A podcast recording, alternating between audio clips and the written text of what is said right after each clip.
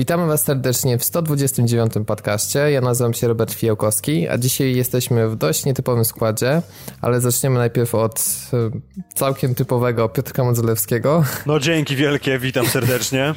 oraz wyjątkowo nietypowego Dawida Marona, który witam jest wszystkich serdecznie. Witamy Cię witam, witam. po raz pierwszy chyba od sześciu czy siedmiu odcinków, trochę już żeśmy nagrali. No jakoś tak, tam nie ma co, nie ma co mnie rozliczać, nie rozliczajcie mnie, mm -hmm. bo, bo zaraz pójdę. Dobrze, że jesteś, a nie ma z nami Szymona dzisiaj, ale będzie za tydzień w standardowym składzie.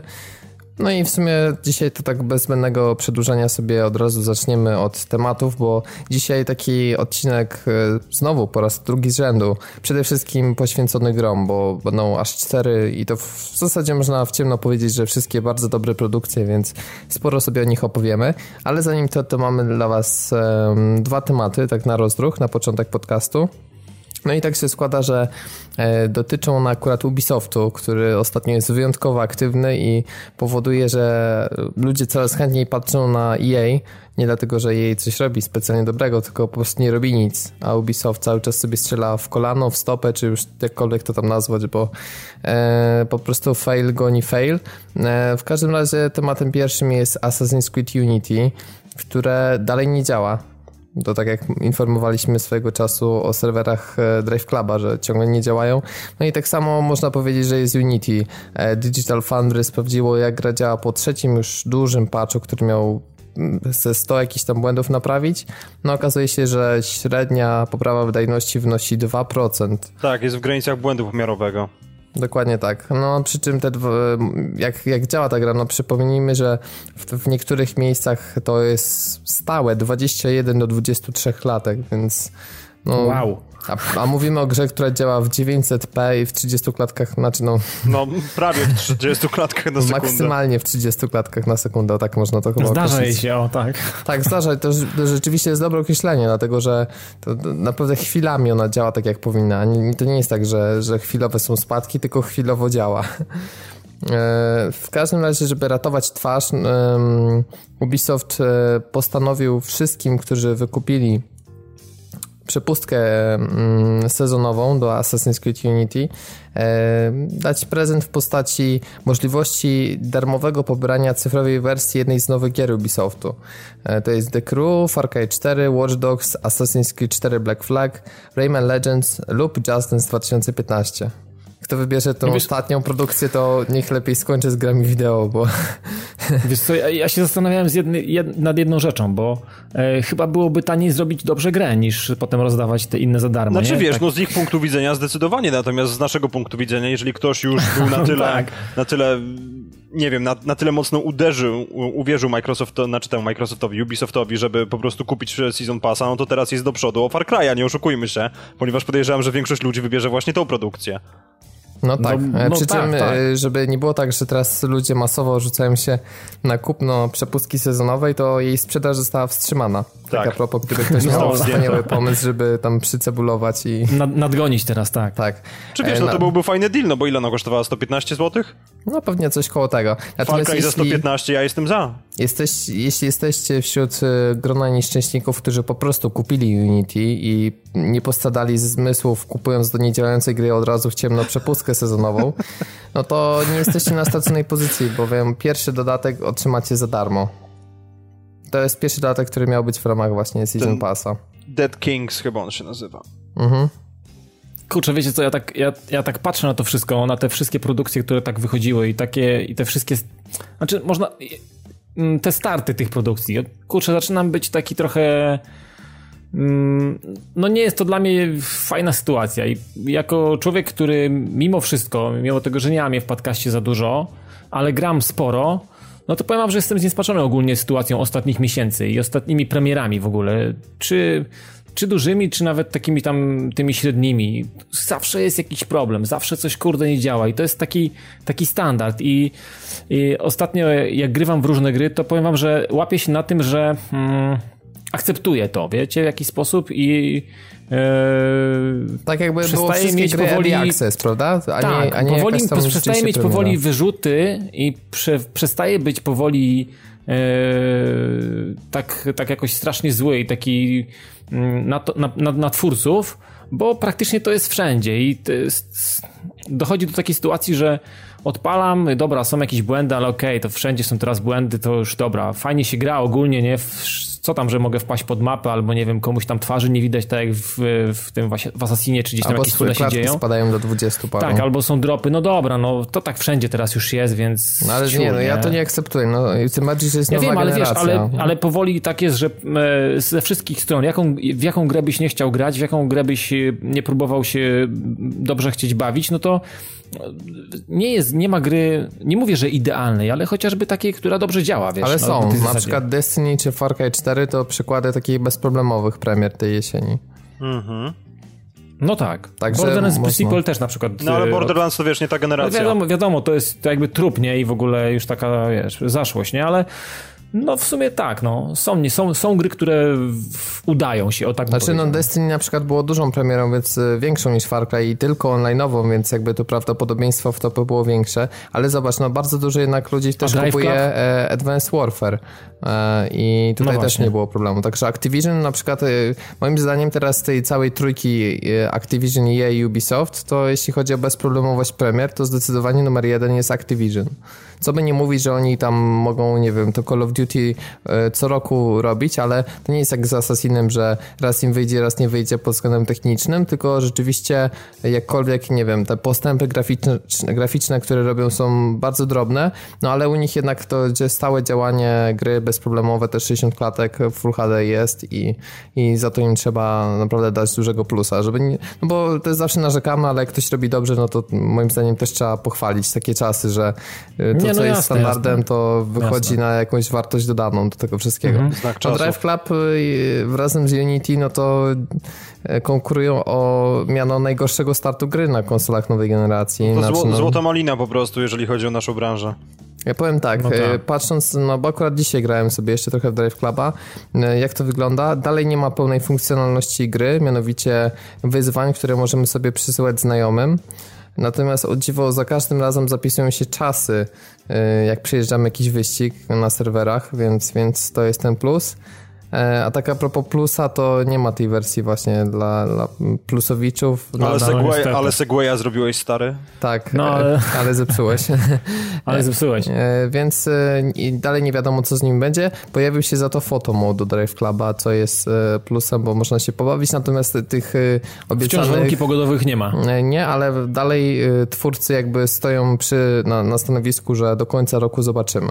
Z tym, że tak jak już to kiedyś mówiłem, to nie jest tak, że nagle w trybie kariery dostaniemy zmodyfikowane wyścigi, tylko po prostu pojawi się w menu nowa kategoria, mianowicie wyścigi ze zmiennymi warunkami pogodowymi i tam będą wszystkie wyścigi, gdzie są zmienne warunki pogodowe. Tak, ale trzeba też przy okazji dodać, że ten fotomod to jest- jest, jest, naprawdę bardzo fajnie zrobiony, bo on masę opcji daje i no, no fajne zdjęcia można w nim zrobić. Zresztą to tak na dobrą sprawę fotomod może pokazać właśnie jak piękny nawet na poboczu jest Drive Club. Tu właśnie Robert mi przed podcastem wysyłał dzisiaj jedno zdjęcie, no i ja w pierwszej chwili, dopóki mi się nie doczytał prawy dolny róg ekranu, gdzie, gdzie widziałem po prostu em, rozpiskę, co się czym robi, to byłem na, nie, nie byłem do końca pewien, co to jest za gra. Tak, no naprawdę to- Drive Club ma. wiem. No, szkoda, że y, i tak y, dopracowana pod względem takim no, technicznym w sensie y, jakby nie wiem, lokalnego kodu gry odpalającego się na konsoli świetnie gra, natomiast jest tak spieprzona pod kątem y, kodu sieciowego. No. Nie zasługiwała na to, bo mogła się wybronić, ale no, niestety będzie gdzieś tam w historii zapisane jako jeden z najgorszych startów y, gier ever. No ale No tak właśnie. żeśmy trochę z, zrobili dygresję, tak czy siak e, z grami Ubisoftu nie jest ostatnio najlepiej E, i tak samo jak problemy duże ma Unity, tak problemy mogą się pojawić przy okazji The Crew. Przy czym tutaj widzę, że Ubisoft stara się jakieś wyciągać wnioski, bo mieliśmy jakieś tam zamknięte alfy, mieliśmy zamknięte bety dwie, e, była teraz otwarta beta i 2 grudnia, czyli teraz już w nadchodzącym tygodniu będzie e, premiera już ostatecznej wersji, Tak, zresztą już przesunięta tak była. wielokrotnie. Właśnie opóźniona już chyba dwa razy była ta gra. No tak, i teraz uwaga, nie będzie, podobnie jak w przypadku Destiny, żadnych recenzji przedpremierowych, bowiem wydawca zdecydował się na niewysyłanie promek po prostu przed premierą. Znaczy nie, one mają być wysyłane właśnie w dniu premiery. No właśnie, promki będą wysyłane w dniu premiery, yy, no i jakby będą e, recenzenci grali yy, razem z osobami, które kupią gry normalnie w sklepie, więc bo czasami jest tak, że po prostu, nie wiem, w środowisko testowe jest powiedzmy, że dziennikarze z całego świata grają na jakichś serwerach. To znaczy, ale wiecie co, bo Ubisoft się tłumaczy po prostu tym, że niby ma to, ma to wpłynąć na ocenę z tego względu, że będzie wiadomo, jak gra działa w infrastrukturze sieciowej właśnie już dla użytkowników, że nie ma, nie ma serwerów specjalnie dla redakcji i tak dalej, i tak dalej. To w jednym z, w, z pewnego punktu widzenia jest dobre, ponieważ ja grając Drive Club przed premierą właśnie miałem naprawdę, miałem minimalne problemy, jeżeli jakiekolwiek, tak na dobrą sprawę, e, z Drive właśnie z, z, z graniem po sieci a później po premierze wszystko się po prostu kompletnie wyłożyło, więc no to, to z jednej strony jest dobre, ale z drugiej strony, no nie wiem, wydaje mi się, że sam Ubisoft nie jest do końca pewien tego, jak sobie poradzi The Crew, no bo gra nie zbiera na ogół takich jakichś no, specjalnie jak dobrych... było z Destiny, tak? Też było recenzje po premierze i poleciały same szóstki, piątki, szóstki, siódemki. No właśnie. No to myślę, że w The znaczy, Crew to nawet się i czwórki mogą zdarzać, tak coś czuję. Wydaje mi się, że oni mają świadomość tego, że jest chyba nie do końca tak, jak powinno być i i to jest taka zagrywka, która wiesz, no... Ile się sprzeda no, pierwszego dnia, tyle się sprzeda, a później będziemy się liczyć. Tak, a potem, a, to, a potem już gier... będziemy próbować, wiesz, ale próbować coś robić dalej, no. Ale Ubisoft mnie totalnie zadziwia, bo zobaczcie, na przestrzeni, można powiedzieć, czterech tygodni oni wydają dwa Assassin's Creedy, wydają Far Cry 4, wydają The Crew, no... a, jak, a jak w ogóle z tym rogalikiem wyszło? Rogalik chyba nie jest tak zły, nie?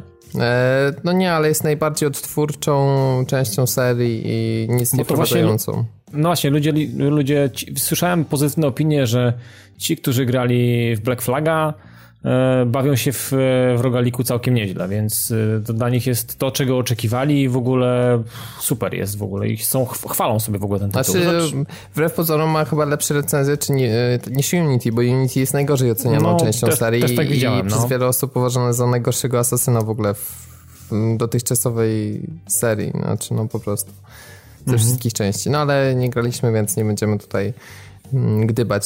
W końcu się ja przechrapię, mm, muszę przez tę trójkę jeszcze i wtedy e, jeszcze męczysz? Tak, tak. Znaczy wiesz, no po prostu ostatnio grałem jednak, co by nie mówić, nowa generacja mnie bardziej wsiąknęła i po prostu PS3 już odpalam No Jezu, ale to jest po prostu, to jest tak dziwne, bo dopóki się nie ma next gena, też taka mała dygresja właśnie, dopóki się nie ma tej konsoli obecnej generacji, to myślisz sobie, o tam przejście z 720 na 1080, już nie przesadzajcie, że ta grafika jest taka zła na starej generacji.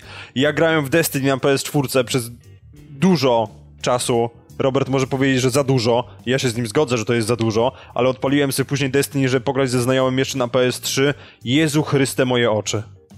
Jest, no, jest, jest, jest, jest takiego, kolosalne po prostu. Tak, patrzysz na porównanie gier PS3, PS4 i myślisz sobie, a to jest tylko jakieś tam lekko HD podciągnięte, nie ma większej różnicy. Nie. Pograsz trochę na PS4, przechodzisz na PS3 i widzisz grę z PS2. Nie wiem, dziwnym trafem. Tak, taki... ale to, no, to jest po no. prostu masakra. Nie no, ja, ja też to podobnie odczuwam, bo grałem trochę w różne gry na PS4. E, w dwie chyba, czy trzy gry udało mi się pograć na Łoniaku. I faktycznie, to, to nie można powiedzieć, że to jest tylko kwestia rozdziałki. To jest kwestia różnych elementów i takiego, wiecie... Dynamiczne oświetlenie na przykład. To jest tak, prosta rzecz, ale jest... robi naprawdę ogromną różnicę w grach. To już sama rozdziałka rozdziałką, ale tam właśnie to światło, masa różnych takich efektów, których wcześniej nie było. To już sama rozdziałka nie jest, nie jest tym, tym najistotniejszym elementem. Ona nie robi aż tak tej roboty, jak te całe wszystkie bajery do, dookoła, no. No to tak. Bez dwóch tak. zdań. E, no dobra, więc nie będzie tych ocen, już tak podsumowując, także uważajcie. E, no, nie kupujcie Day One. Nie kupujcie Day One. Tak a propos, to w naszej ekipie też, e, mimo że ja się całkiem pozytywnie wypowiadałem na temat tej gry, to potem jak jeszcze, nie wiem, naszłem jakieś, poczytałem trochę więcej opinii i jeszcze się trochę zastanowiłem na tym, jak, jak to wyglądało, to nie czuję się na tyle odważny, żeby żeby w dniu premiery kupować taką grę, tym bardziej, że czuję mocno, że ona stanie do 100 zł po prostu, nie jeszcze do świąt, jak dobrze pójdzie. Znaczy więc... nie, no do świąt to może nie, ale podejrzewam, że tak, no do... No Happy New Year będziesz miał. Nie, to będzie jak z God of War'em, a którymś tam, że no, poleciał, w lutym poleciał, już był tak. po 129, no to... Tak, Czwórka, tak. Ascension chyba masz na myśli. Ascension. Tak, Ascension, mhm. No, więc... No to czwórka, no. No, to był teoretycznie, on, on był trochę inaczej umieszczony. Na... Znaczy ja wiem, no wiem, ale wiesz, no jakby jeszcze policzyć to tam, wiesz, Sparty i te wszystkie... No wiesz, jakby to policzyć te wszystkie był- Sparty, to on był siódmą częścią w ogóle tego. No, siódmy czy szósty, no, e, pięć kolekcji różnych form, także to, to, to zawsze się z tego śmialiśmy, nie? no Że- właśnie. Tak, tak, tak. Niezliczone tak, są tak, kolekcje tak. God of War'a. No i w zasadzie jeśli chodzi o newsy, to tyle, a reszta gry, gry i jeszcze raz gry. Yy, będzie tego sporo, więc yy, nie chcieliśmy żadnego tytułu omawiania skrócić. I zaczniemy sobie od gry, którą ograł Dawid już dosyć dawno, ale tak obiecaliśmy sobie, że, że opowie jak przyjdzie. I jest to Borderlands The Pre-Sequel. E, Gra, która chyba wzbudza, no czy nie, no śmiało można powiedzieć, największe kontrowersje z całej serii, dlatego że mm, no dość kontrowersyjna, pamiętam, była teza Pitchforda, który stwierdził, że mm, PS4 i Xbox One'ów jest tak mało, że w ogóle się nie opłaca na to robić gry.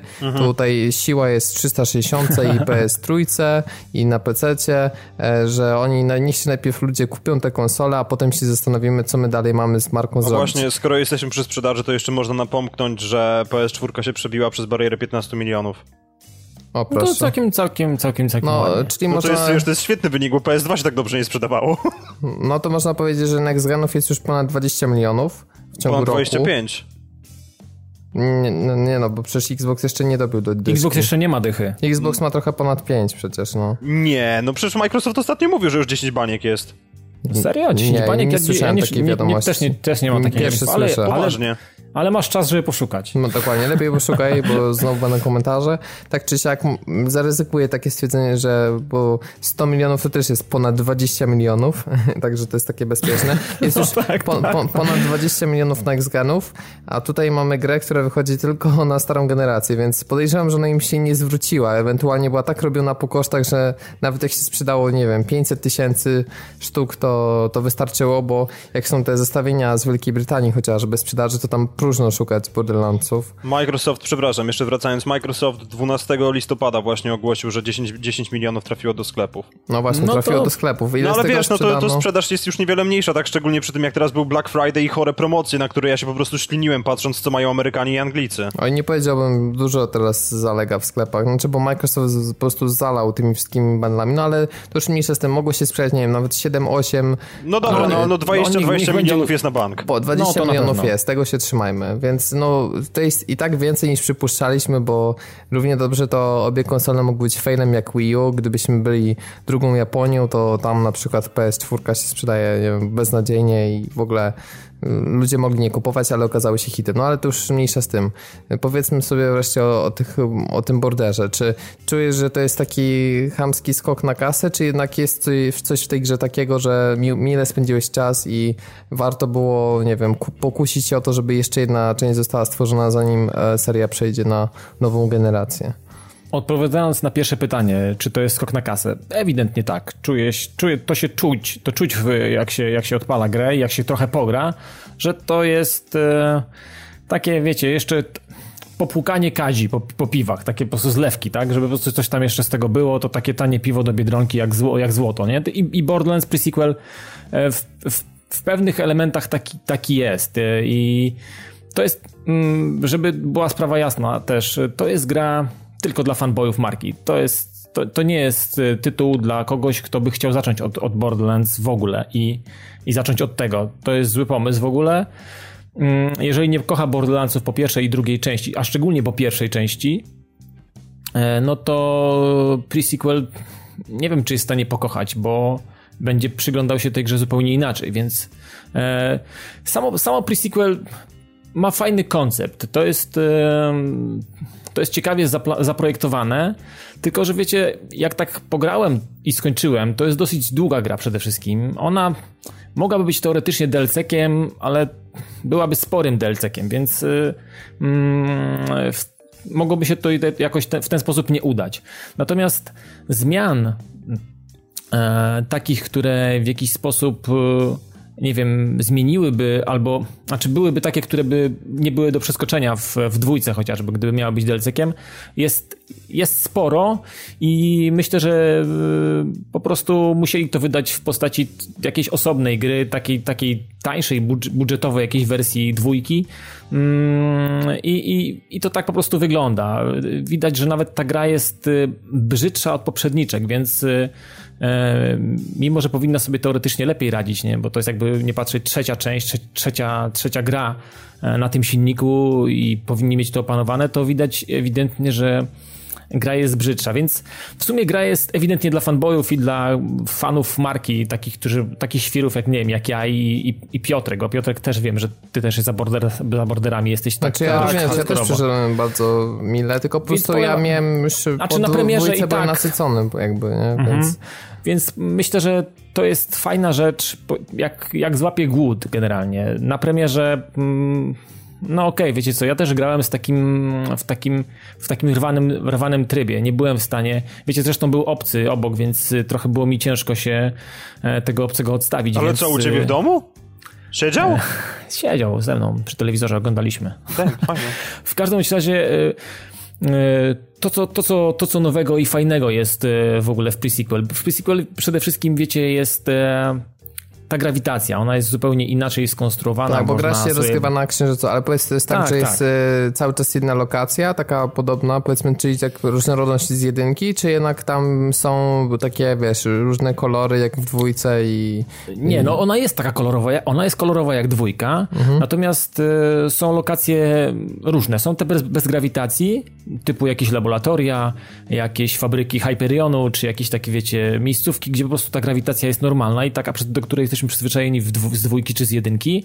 Natomiast to, co się dzieje jakby na płaszczyźnie, na, na, na, na powierzchni Księżyca, no to wiadomo, biegamy w tej masce takiej tlenowej i, i, i, ten, e, i to skakanie jest e, zupełnie inne. Do tego jeszcze dochodzą, wiecie, jakieś tam takie wyrzutnie, takie pody e, do takich konkretnych długich lotów, czy jakichś tam skoków na wyższe, wyższe płaszczyzny. To w, w ogóle są takie miejscówki czasami, że są przeogromne, że aż przytłaczające. Jest tak otwarty ten świat i tak duże są te e, odstępy między miejscami, w których się znajdujesz albo gdzieś tam będziesz skakał, że, że na, początku, na początku jest tak, że ja się, ja się momentami nawet gubiłem. E, więc, e, więc są, są, są takie miejscówki, że naprawdę można się zamotać.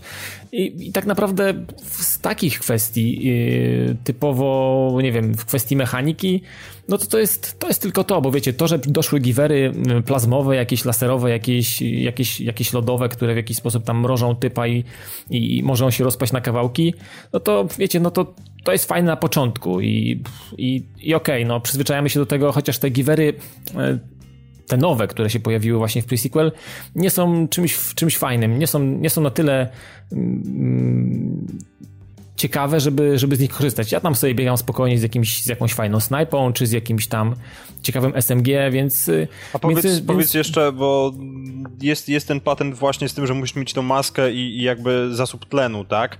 I teraz tak, moje... to jest świetne. To, to, okay, to, to jest fajne. Znaczy nie, to ja, ja, rozumiem, że to jest fajny patent, tylko teraz kwestia jest taka, że chyba Claptrap tego nie wymaga. No właśnie nie. Bo ja czy w związku, ci, że... no ale to w związku z tym w takim razie granie Claptrapem jest po prostu prostsze.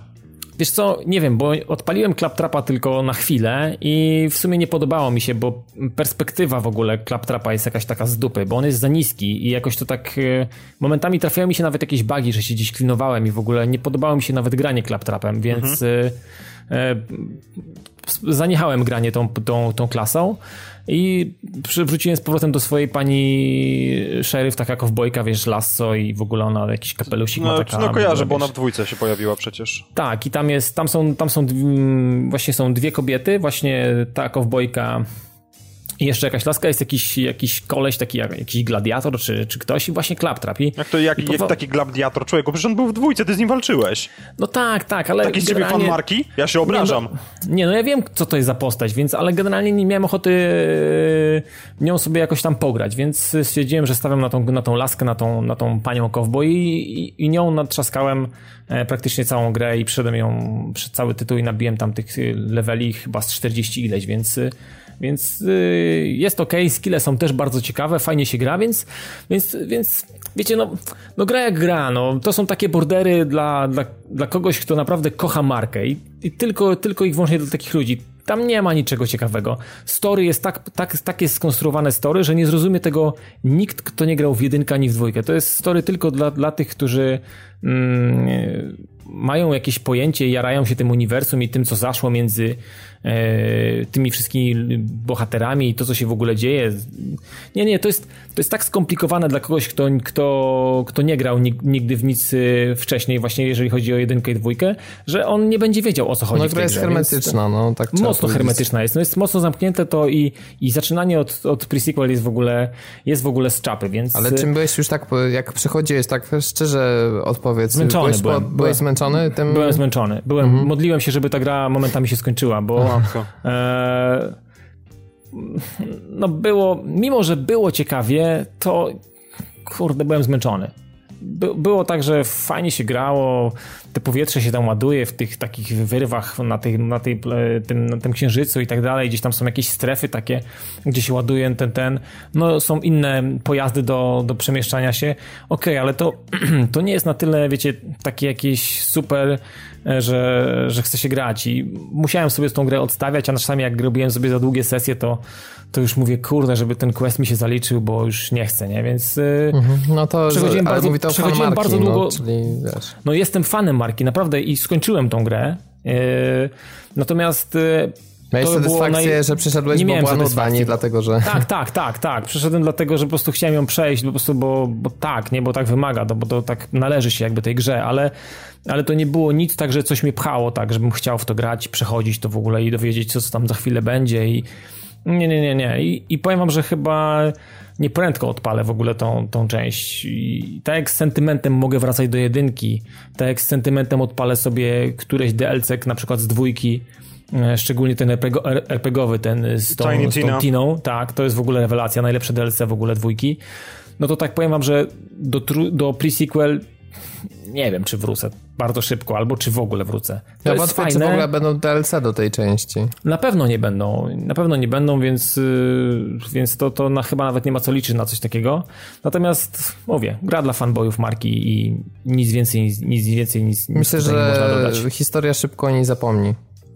Myślę, że tak. I nawet powinna, bo ona, ona nie robi dobrze dla poprzedniczek. Czyli to ta, taka jest ta... podobna kwestia jak z Batmanem, który miał bardzo dobre Arkham Asylum i Arkham City i potem pojawił się ten jeszcze e, już Arkham Origins chyba. Tak, ale to też była tak. podobna historia, bo to mieliśmy zupełnie przecież innego dewelopera, to nie, było, nie, nie był ten, ten, który robił poprzednie dwie części. Tutaj tak samo, to było 2K No tak, Australia. tak, no, dlatego, dlatego mówię, że ta sama tak. historia. Tutaj, no. jest, tutaj jest. I widać, widać. Gra, gra szwankuje na, na wielu płaszczyznach i. To jest ciekawe, jak myślę o zacięciach, bo ja naprawdę próbowałem w pierwszej części i drugiej się zaciąć. Ja po prostu wpadałem w takie szczeliny, gdzie już powiedziałem, nie wyjdę. Twórcy, że przechytrzyłem po prostu, wiesz, jakiś tam mhm. testerów gry, ale za każdym razem dało się wyjść. Nigdy się nie zaklinowałem. No to powiem, powiem ci, że szczególnie grając z Claptrapem to się zdarzało mi. Mhm. Bo no, jak to może wynikać, tą, to może normalną postacią... To może wynikać ze specyfiki po prostu Claptrapa, no bo jednak wiadomo, że oni zrobili chyba całkiem duży deal właśnie z tego, że on będzie miał niżej umieszczoną kamerę, bo przecież jest niższy od wszystkich, bo ile on tam ma, jakieś 50 centymetrów czy coś, więc no... Ale to, I to, się, i to się czuje w grze. Równie dobrze, e, wiesz, to można zrobić e, tak, jeśli miał być, e, nie wiem, super deal, że grasz Claptrapem, zrobić fajnego questa, gdzie się wcielasz w Claptrapa na przykład i gdzie Chociażby. jest tak zrobiony poziom, że nie będzie problemu z zaklinowaniem się, bo jest specjalnie zaprojektowany, bo wiesz, że tu będzie mhm. Claptrap. Mhm. I, I, też można by zrobić z tego wielkie halo i o, tutaj kupmy pre bo jest fajny quest, gdzie się jeździ claptrapem. A tu no, na siłę go wrzucili, no i wiesz, i wykonanie jest do dupy, no i co z tego, że jest fajna rzecz, że jesteś claptrapem. No, Robert, działa, ale no wiesz, to... maniactwo maniactwem, tak? Wątpię, żeby byli na świecie ludzie, którzy by kupili specjalnie część Borderlands tylko dlatego, że jest w niej quest z claptrapem. No to, to no już nie, by ale, wiesz, tak, tak, ale to tak, wiesz, tak. to jest jako napis, że możesz to zrobić screen, wiesz, z gry z perspektywy claptrapa, wrzucić do neta i już wszyscy się jerają na forach, no wiesz jak to jest, no i dopiero nie, no, potem owszem, się owszem. okazało, że to jest quest, a nie, że cały czas, no. Wiecie, nawet, nawet pre-sequel ma takie, takie znamiona właśnie poprzed, poprzednich e, DLC-ków z dwójki, że oprócz tego, że jest normalna waluta, normalnie zbierasz graty, to dodatkowo masz e, tak zwane kamienie krzyżyca, takie moonstony, które są walutą mhm. u, w takim specjalnym sklepie, gdzie wiadomo kto handluje i tam sobie właśnie kupujesz, tak jak były te, mm, w dwójce były... Automaty Torga. Nie, nie, nie, nie tak, automaty Torga były w DLC-ku, ale w podstawce też były tam, gdzie jest, e, Iridium sprzedawa, wymieniałeś za różnego, za update, e, nie wiem, więcej ammo mogłeś mieć albo większy -hmm, plecak. No tak, tak. Więc tutaj Iridium, tutaj zamiast Iridium, Iridium jest Moonstone, tak, Iridium jest, e, jest Moonstone i, i ten, ten kamień księżycowy te, też nie jest trudno go pozyskać, więc y, bardzo szybko okazuje się, że mamy wszystko wykupione i nie musimy w ogóle już tego zbierać, więc y, tak trochę za łatwo jest z tym, z tym surowcem. Natomiast no, jest fajnie malowniczo, są naprawdę ciekawe te niektóre lokalizacje i fajne takie, mm, jak się wpada na taką wielgachną lokalizację i widzi się jakiś kawałek jakiegoś statku olbrzymiego, który jest gdzieś tam wbity w jakąś skałę lodową, no to to robi wrażenie. To naprawdę, one, one, są, one są przemyślane, tylko nie są wykonane dobrze i po prostu yy, z daleka robią wrażenie, a już przy bliższym takim poznawaniu tej lokalizacji albo tego miejsca, w którym gdzieś tam przyjdzie nam robić misję, no to, to to już momentami taką biedą trąciło i kurczę, trochę się aż dziwiłem i byłem trochę mm, momentami zadziwiony, że tak podeszli do sprawy, biorąc pod uwagę to, jak dwójka się prezentowała przede wszystkim, bo dwójka się prezentowała wyśmienicie. No, jestem ciekawy, Także...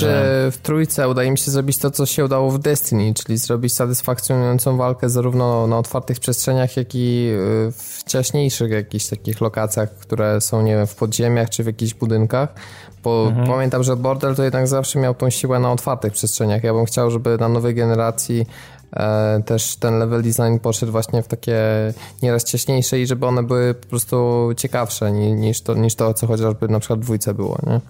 Bo zawsze, dokładnie, zawsze dokładnie. była różnica po prostu w wykonaniu. To jest świetne te lokacje były, to jest szczególnie w dwójce różnego rodzaju kolorowe, takie tematyczne, jakieś lodowe, tu lawa, tak. Y, tu jakieś Pamiętam toksy. tą kwaśną Caustic Cavern, tak, Caverns, tak, tak świetne, świetne. Caustic Caverns chyba tak to się, no, tak, rewelacyjna tak. lokacja, naprawdę, no, klimat tam bił po oczach, ale żeby też były różnego rodzaju wymyślne przestrzenie, no, myślę, Wiecie, wydaje, co można na naprawdę... koniec jeszcze powiedzieć o pre-sequel, że no. ma święta, fantastyczne, ma są fantastycznego soundtracka. Soundtrack jest naprawdę fantastyczny i, i e, powiem wam, że czuć tam i trochę i żara i jakiś takich, kurcze e, naprawdę świetna muza jest w tej grze. E, muza zdecydowanie najlepsza ze wszystkich e, części Bordersów w ogóle. Kurczę, A kto, kto, kto ją komponował, wiadomo coś? Wiesz co... Nie, Jasper Kidd? Nie tak pamiętam, jak... ale, ale to jakieś, jakaś osobistość jest znana. Nie pamiętam już teraz kto, ale, ale to, jest, to jest jakiś znany koleś. W każdym razie, no muza jest e, rewelacyjna w tej grze, kurczę. Dla samej muzy mm, warto, no, znaczy soundtracka warto sobie pobrać albo gdzieś tam kupić, czy na Spotify gdzieś tam posłuchać jak jest, bo to jest naprawdę coś. Tak jak w dwójce były momenty, że podobało mi się, niektóre kawałki mi się podobały, tak powiem wam, że w pre-sequel E, praktycznie większość, e, większość jest takich i pasuje, nie dość, że pasuje do tego, gdzie się znajdujemy, to dodatkowo są świetnie napisane. Więc... Tak, ja spojrzałem, tak jest Jasper Kidd, tak jak było w poprzednich o, częściach. O, tak, tak, tak, tak. E, tak jest tak. jeszcze Des Shore do pomocy i Justin Mullins. Także... Więc e, muza w pre-sequel zdecydowanie najlepsza, najlepsza z całej, z całej można powiedzieć, sagi, o, żeby tak, tak fajnie zabrzmiało. No. Okej. Okay. E, no dobrze, to e, może teraz, żebyś trochę Dawid odpoczął, to sobie zamienimy kolejność i przyjdziemy sobie do gry, którą e, ograł Piotrek a mianowicie do Middle Earth Shadow of Mordor. Tak. E, czy po polsku Śródziemie Cień Mordoru, bo pod takim tytułem była u nas e, gra wydana. O, The Drama.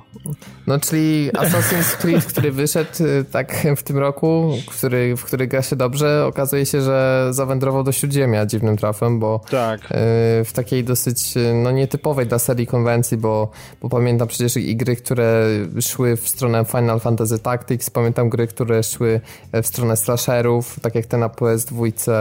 E, tam był właśnie Drużyna Pierścienia i Powrót Króla, dwie części były. Był jeszcze Aragorn z Quest, ten chyba na PS3 też wyszedł. Mhm. Były też e, taktyczne gry strategiczne, tak jak e, The Battle for the Middle Earth 1 i 2 z dodatkiem, także no, różne konwencje i tym razem mm, e, Śródziemie w takiej wersji sandboxowo-asesinowej.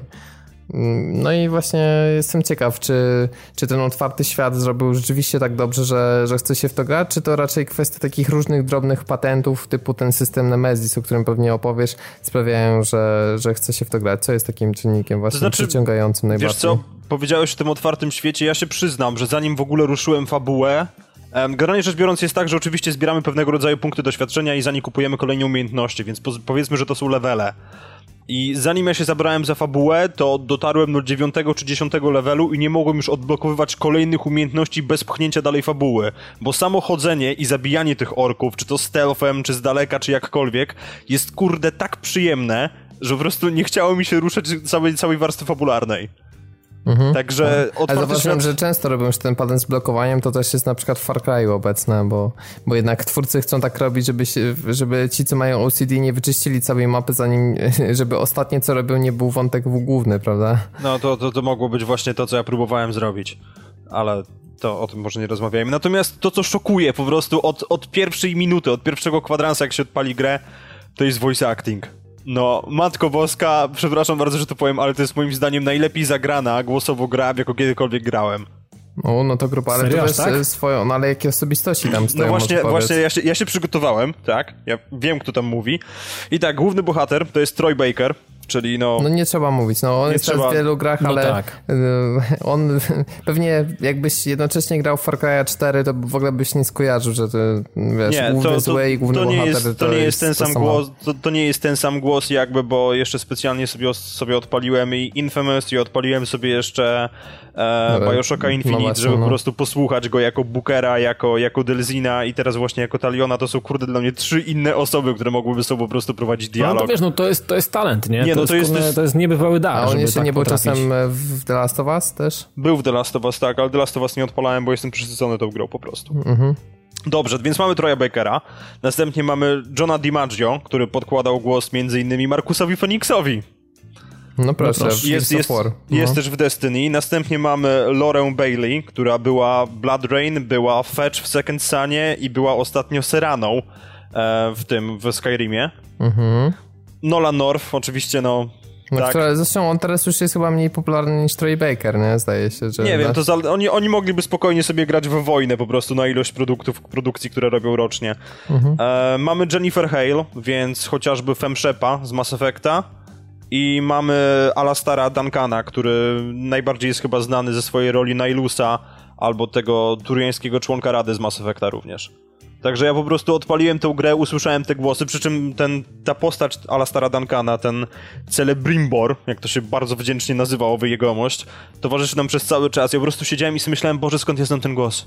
Skąd ja do ciężkiej cholery znam ten głos? I po prostu, no już nie wytrzymałem, sprawdziłem w internecie i sobie pomyślałem, tak, tak, to jest Nihilus, to jest Nihilus z Mass Effecta i byłem po prostu rozradowany faktem, że ludzie, którzy, których znam z gier, które lubię, znaleźli się tutaj w takim fajnym gronie. Także pod, pod kątem tego po prostu, jak to brzmi, jak, jak, jak ci ludzie się wcielali w swoje role, no to to jest absolutne mistrzostwo świata dla mnie. No, a to naprawdę robi robotę dla klimatu. A powiedz, y, bo to też jest ważne dla takich dialogów, czy, czy one są fajnie napisane? One są bardzo fajnie napisane, wiesz, to jest trochę tak jakby, jakby w tym wszystkim maczali palce ludzie, którzy między innymi tworzyli dialogi do filmów, ponieważ w momencie, kiedy powinno być poważnie, jest poważnie, a następnie właśnie zdarzają się sekwencje typu tego filmowego Toss the Dwarf, tak? I po prostu jest, jest humor, kiedy powinien być, jest, jest właśnie, no świetnie to jest wszystko pociągnięte. Bo, bo z kolei, wiesz, dialogi pomiędzy, pomiędzy głównym bohaterem, a, bo trzeba właśnie powiedzieć, że ogólnie, ogólnie rzecz biorąc fabuła jest taka, że um, główny bohater gry um, nie została mu zagwarantowana śmierć, jakaś siła wyższa po prostu mu je odmówiła. I właśnie w tym mhm. momencie, w tym momencie on się jakby połączył w pewnym sensie z, z tym cele, celebrimborem, tak? I właśnie w tej chwili właśnie mamy umiejętności też elfickie. Mamy łuk, e, możemy przesłuchiwać orków i tak dalej, i tak dalej. I po prostu dialogi nawet między nimi, w momencie, kiedy oni są w podobnej sytuacji, ponieważ jednemu i drugiemu, to nie jest spoiler, to jest tam początek gry, jednemu i drugiemu wybili właśnie, wybili rodzinę i tak dalej. Dialogi między nimi są bardzo fajne. Ten moment, kiedy, kiedy Talion po prostu nie rozumie, dlaczego nie mógł umrzeć, dlaczego nie mógł odejść i dołączyć do swojej rodziny w jakichś zaświatach. Jest, jest naprawdę rewelacyjnie to jest wszystko rozpisane i mówię, tak jak dokładnie tak, tak jak powinno być to wszystko jest. Czyli mamy, mamy powagę, mamy humor, no rewelacja, naprawdę. A powiedz, bo tu myślę, to jest otwarty świat, ale rzeczywiście taki w pełni otwarty, czy jest taki system jak z gier Ubisoftu, że masz zacienioną mapę i musisz wejść na jakąś wieżę, coś tam odblokować i dopiero możesz przejść na, na powiedzmy, nie wiem, dany obszar mapy? To znaczy, wiesz co, ja na chwilę, po prostu było tak, że jakby był zarys dostępny od samego początku w menu.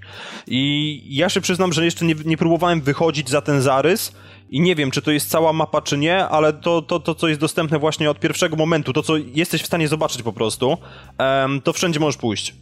Absolutnie, nie ma, nie ma tutaj wiesz, żadnych sztucznych I barier i tak i dalej. wszędzie są wypełnione jakieś tam poboczne aktywności, rozumiem, tak? Czy Tak, to- jest ich cała masa, bo jest, wiesz, questów pobocznych jest, jest, jest od groma, ponieważ możesz sobie zbierać rośliny specjalne, co oczywiście daje ci tam jakieś punkty doświadczenia, możesz zabijać bestie, możesz eliminować właśnie kapitanów w tym systemie Nemesis, no jest, jest masa rzeczy do zrobienia, naprawdę. Okej, a czy nie jest tak, że masz pięć rodzajów na krzyż i one się stale powtarzają, tylko w Nie, jakichś nie, innych nie, nie, nie, miejscach? nie, naprawdę, jest, jest, jest mega, poza tym jest bardzo dużo takich questów pobocznych, które po prostu pozwalają ci podbić twoje umiejętności we władaniu łukiem, we władaniu mieczem, także jest Czy naprawdę... trochę, ale to jest coś, coś takiego jak ze Skyrima, że im więcej używasz danej umiejętności, tym ona się lepsza staje, czy po prostu dostajesz punkty doświadczenia, nie wiem, za quest związany z łukiem do łuku, że tam coś jest To lepiej? znaczy, może, może nie tyle punkty doświadczenia, tak? To po prostu jest jakby taka ogólna pula punktów, za które możesz sobie wykupić na przykład nowe sloty runiczne do broni.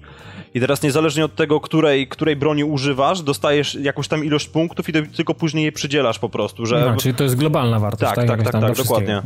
Mhm. A powiedz o tym systemie Nemesis, bo jestem ciekawy, no bo mniej więcej coś tam słyszałem, jakiś zarys, ale wszyscy się tym jarają, co jest w tym takiego fajnego? Tak od samego początku najprościej jakbyś miał wytłumaczyć, na czym on polega. Najprościej jak, jak, jak to jest możliwe, więc e, w menu głównym po prostu mamy, mamy pokazaną armię Sa Saurona. Przy czym wszystkie postacie, które są dostępne właśnie na tej mapie jakby, bo one są hierarchicznie poustawiane w zależności od rangi, em, one są zaciemnione. I teraz w momencie, kiedy pokonamy jednego z kapitanów, albo złapiemy kogoś, kto ma informacje, możemy go przesłuchać i dowiedzieć się więcej informacji o osobie z kolejnego szczebla. Co, co, co jest same, same w sobie bardzo fajne, ponieważ te postacie mają jakby swoje modyfikatory i teraz jest tak, że e, w momencie, kiedy uwolnisz Kararoga, czyli takiego wielkiego psa jakby, który biega obok, to dany kapitan może wpaść w szał i po prostu będzie trudniej go pokonać, ale możesz też po prostu go tym przestraszyć i będzie go łatwiej pokonać, więc zbieranie tego intelu ułatwia ci walkę, a przy okazji jest po prostu bardzo fajne, ponieważ nagle twoja postać staje się elfickim duchem, który wysysa umysł orkowi.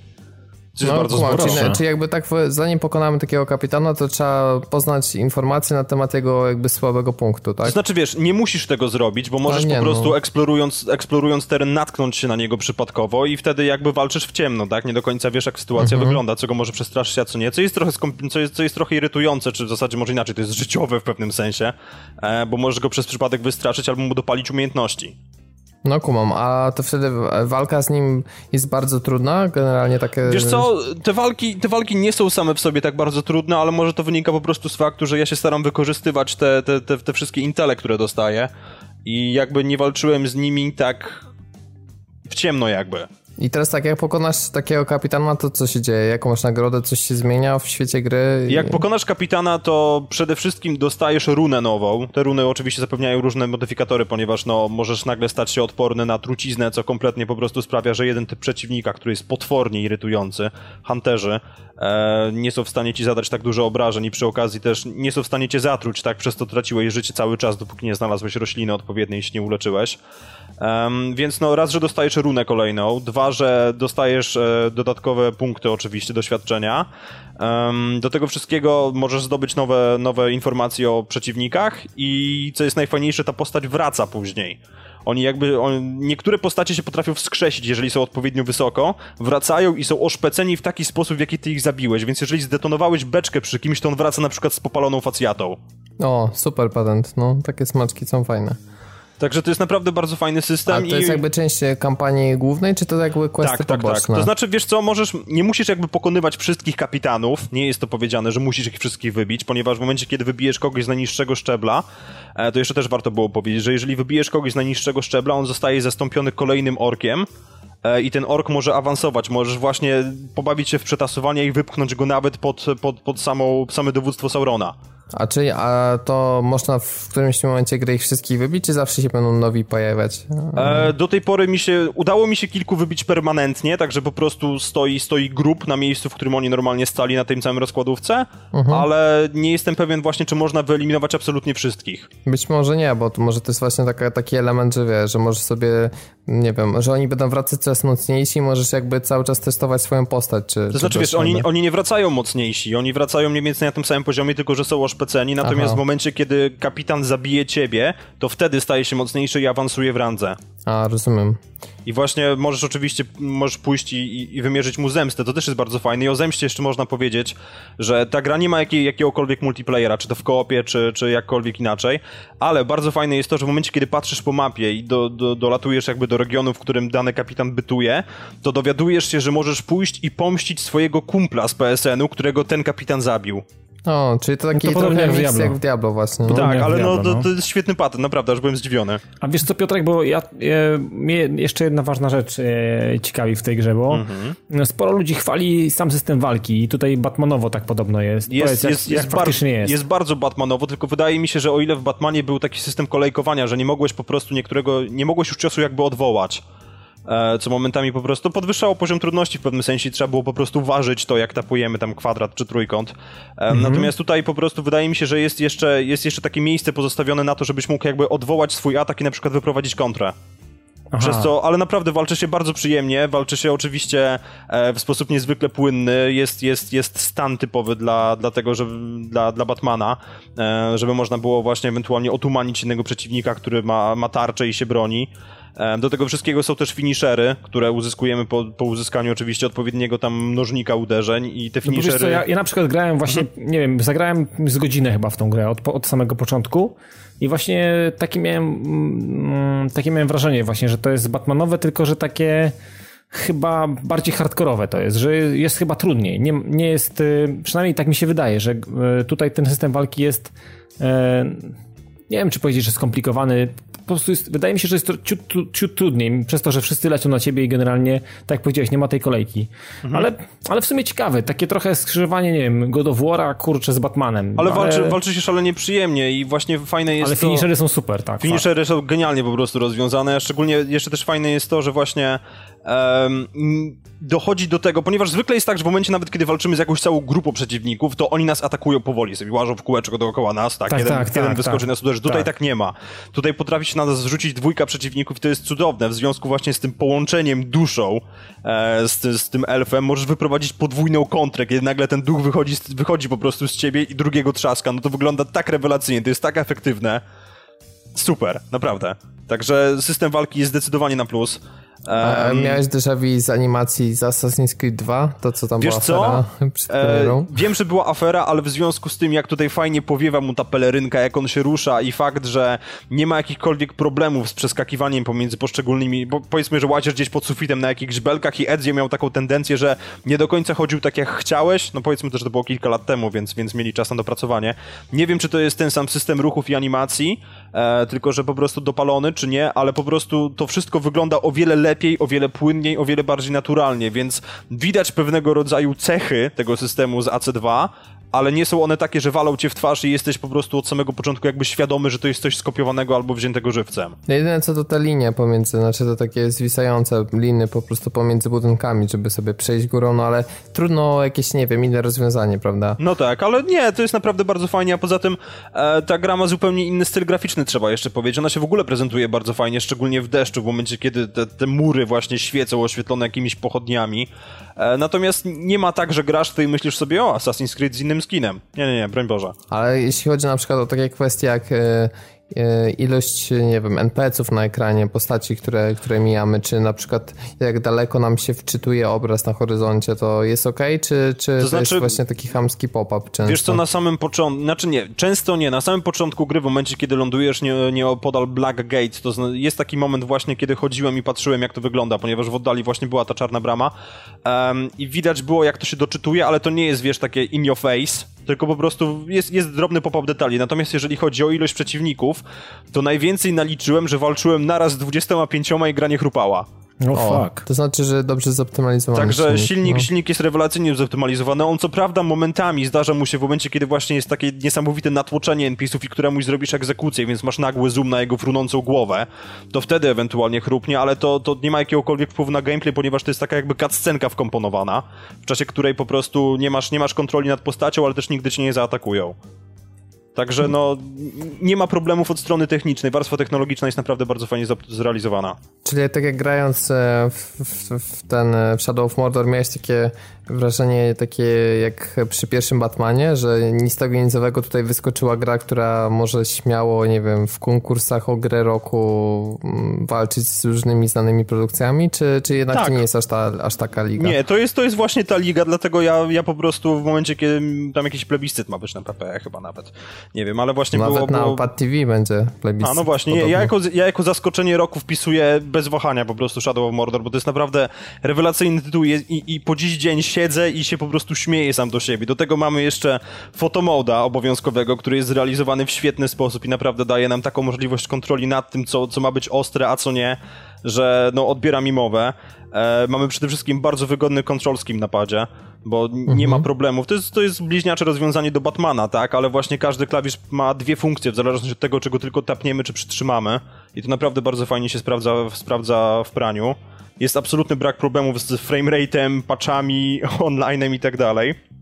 E, świetne są też patenty związane z eksplodującymi ogniskami to jest taki smaczek tylko, ale właśnie orkowie mają takie, taką tendencję do siedzenia przy ogniskach, więc z daleka możemy strzelić sobie w to ognisko z łuku i oni wszyscy wtedy w elegancki sposób eksplodują i odlatują na bok, albo jeżeli są odpowiednio silni, to biegną przed siebie z płonącą głową. Rewelacyjnie. Jest fajna. Nie, nie, jest, jest świetnie to zrobione, naprawdę. Mamy sporo typów takich oponentów, którzy sobie po prostu biegają po mapie i trafiamy na nich przypadkiem. E, przy czym do każdego z nich trzeba oczywiście mieć inne podejście. Jest bardzo fajnie zrobiona mechanika skradania się, włącznie z, z ukrywaniem się w krzakach E, mamy, tak jak mówiłem, stały frame rate, mamy bardzo fajnie przemyślane też umiejętności, bo na przykład niektórzy orkowie w momencie, kiedy ich okaleczymy, będą próbowali od nas uciekać jest możliwość, żeby z łuku przybić ich do ziemi przy pomocy strzały i następnie podejść i wykończyć.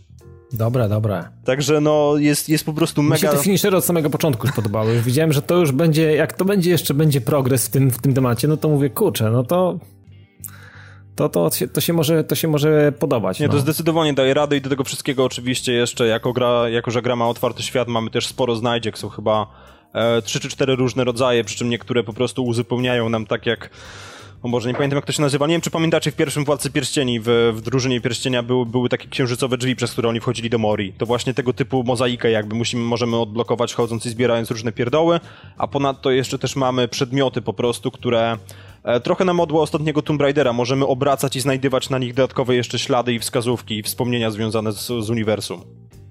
Także jest, jest naprawdę bardzo fajnie, jest bardzo kompletnie, no i z racji tego, że jest to e, uniwersum Tolkiena, oparte w bardzo dużej mierze o Silmarillion, bo trzeba powiedzieć, że to jest pomiędzy, pomiędzy Hobbitem a trylogią Władcy Pierścieni, jest naprawdę masa miejsca na, na dodatkowe wątki, ale nie nadużyli tego i rzeczywiście postacie, które są tutaj, są też w uniwersum, w filmach, książkach i tak dalej. Także no, jest, jest naprawdę bardzo dobra gra, zrobiona bardzo dobrze. Czyli jest kanoniczna, można powiedzieć, że nawet jeśli by ktoś tam jej nie uznał, ale jakby w, no, opiera się na kanonie, no w każdym Dokładnie. razie.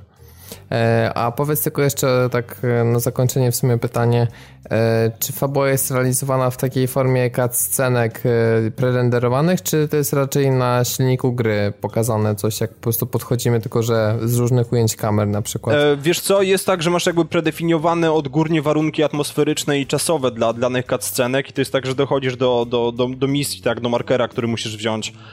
Dochodzisz za dnia i nagle się robi z tego noc, ale generalnie rzecz biorąc to wszystko stoi na silniku gry. Mhm. No Takie okay. przynajmniej odniosłem wrażenie.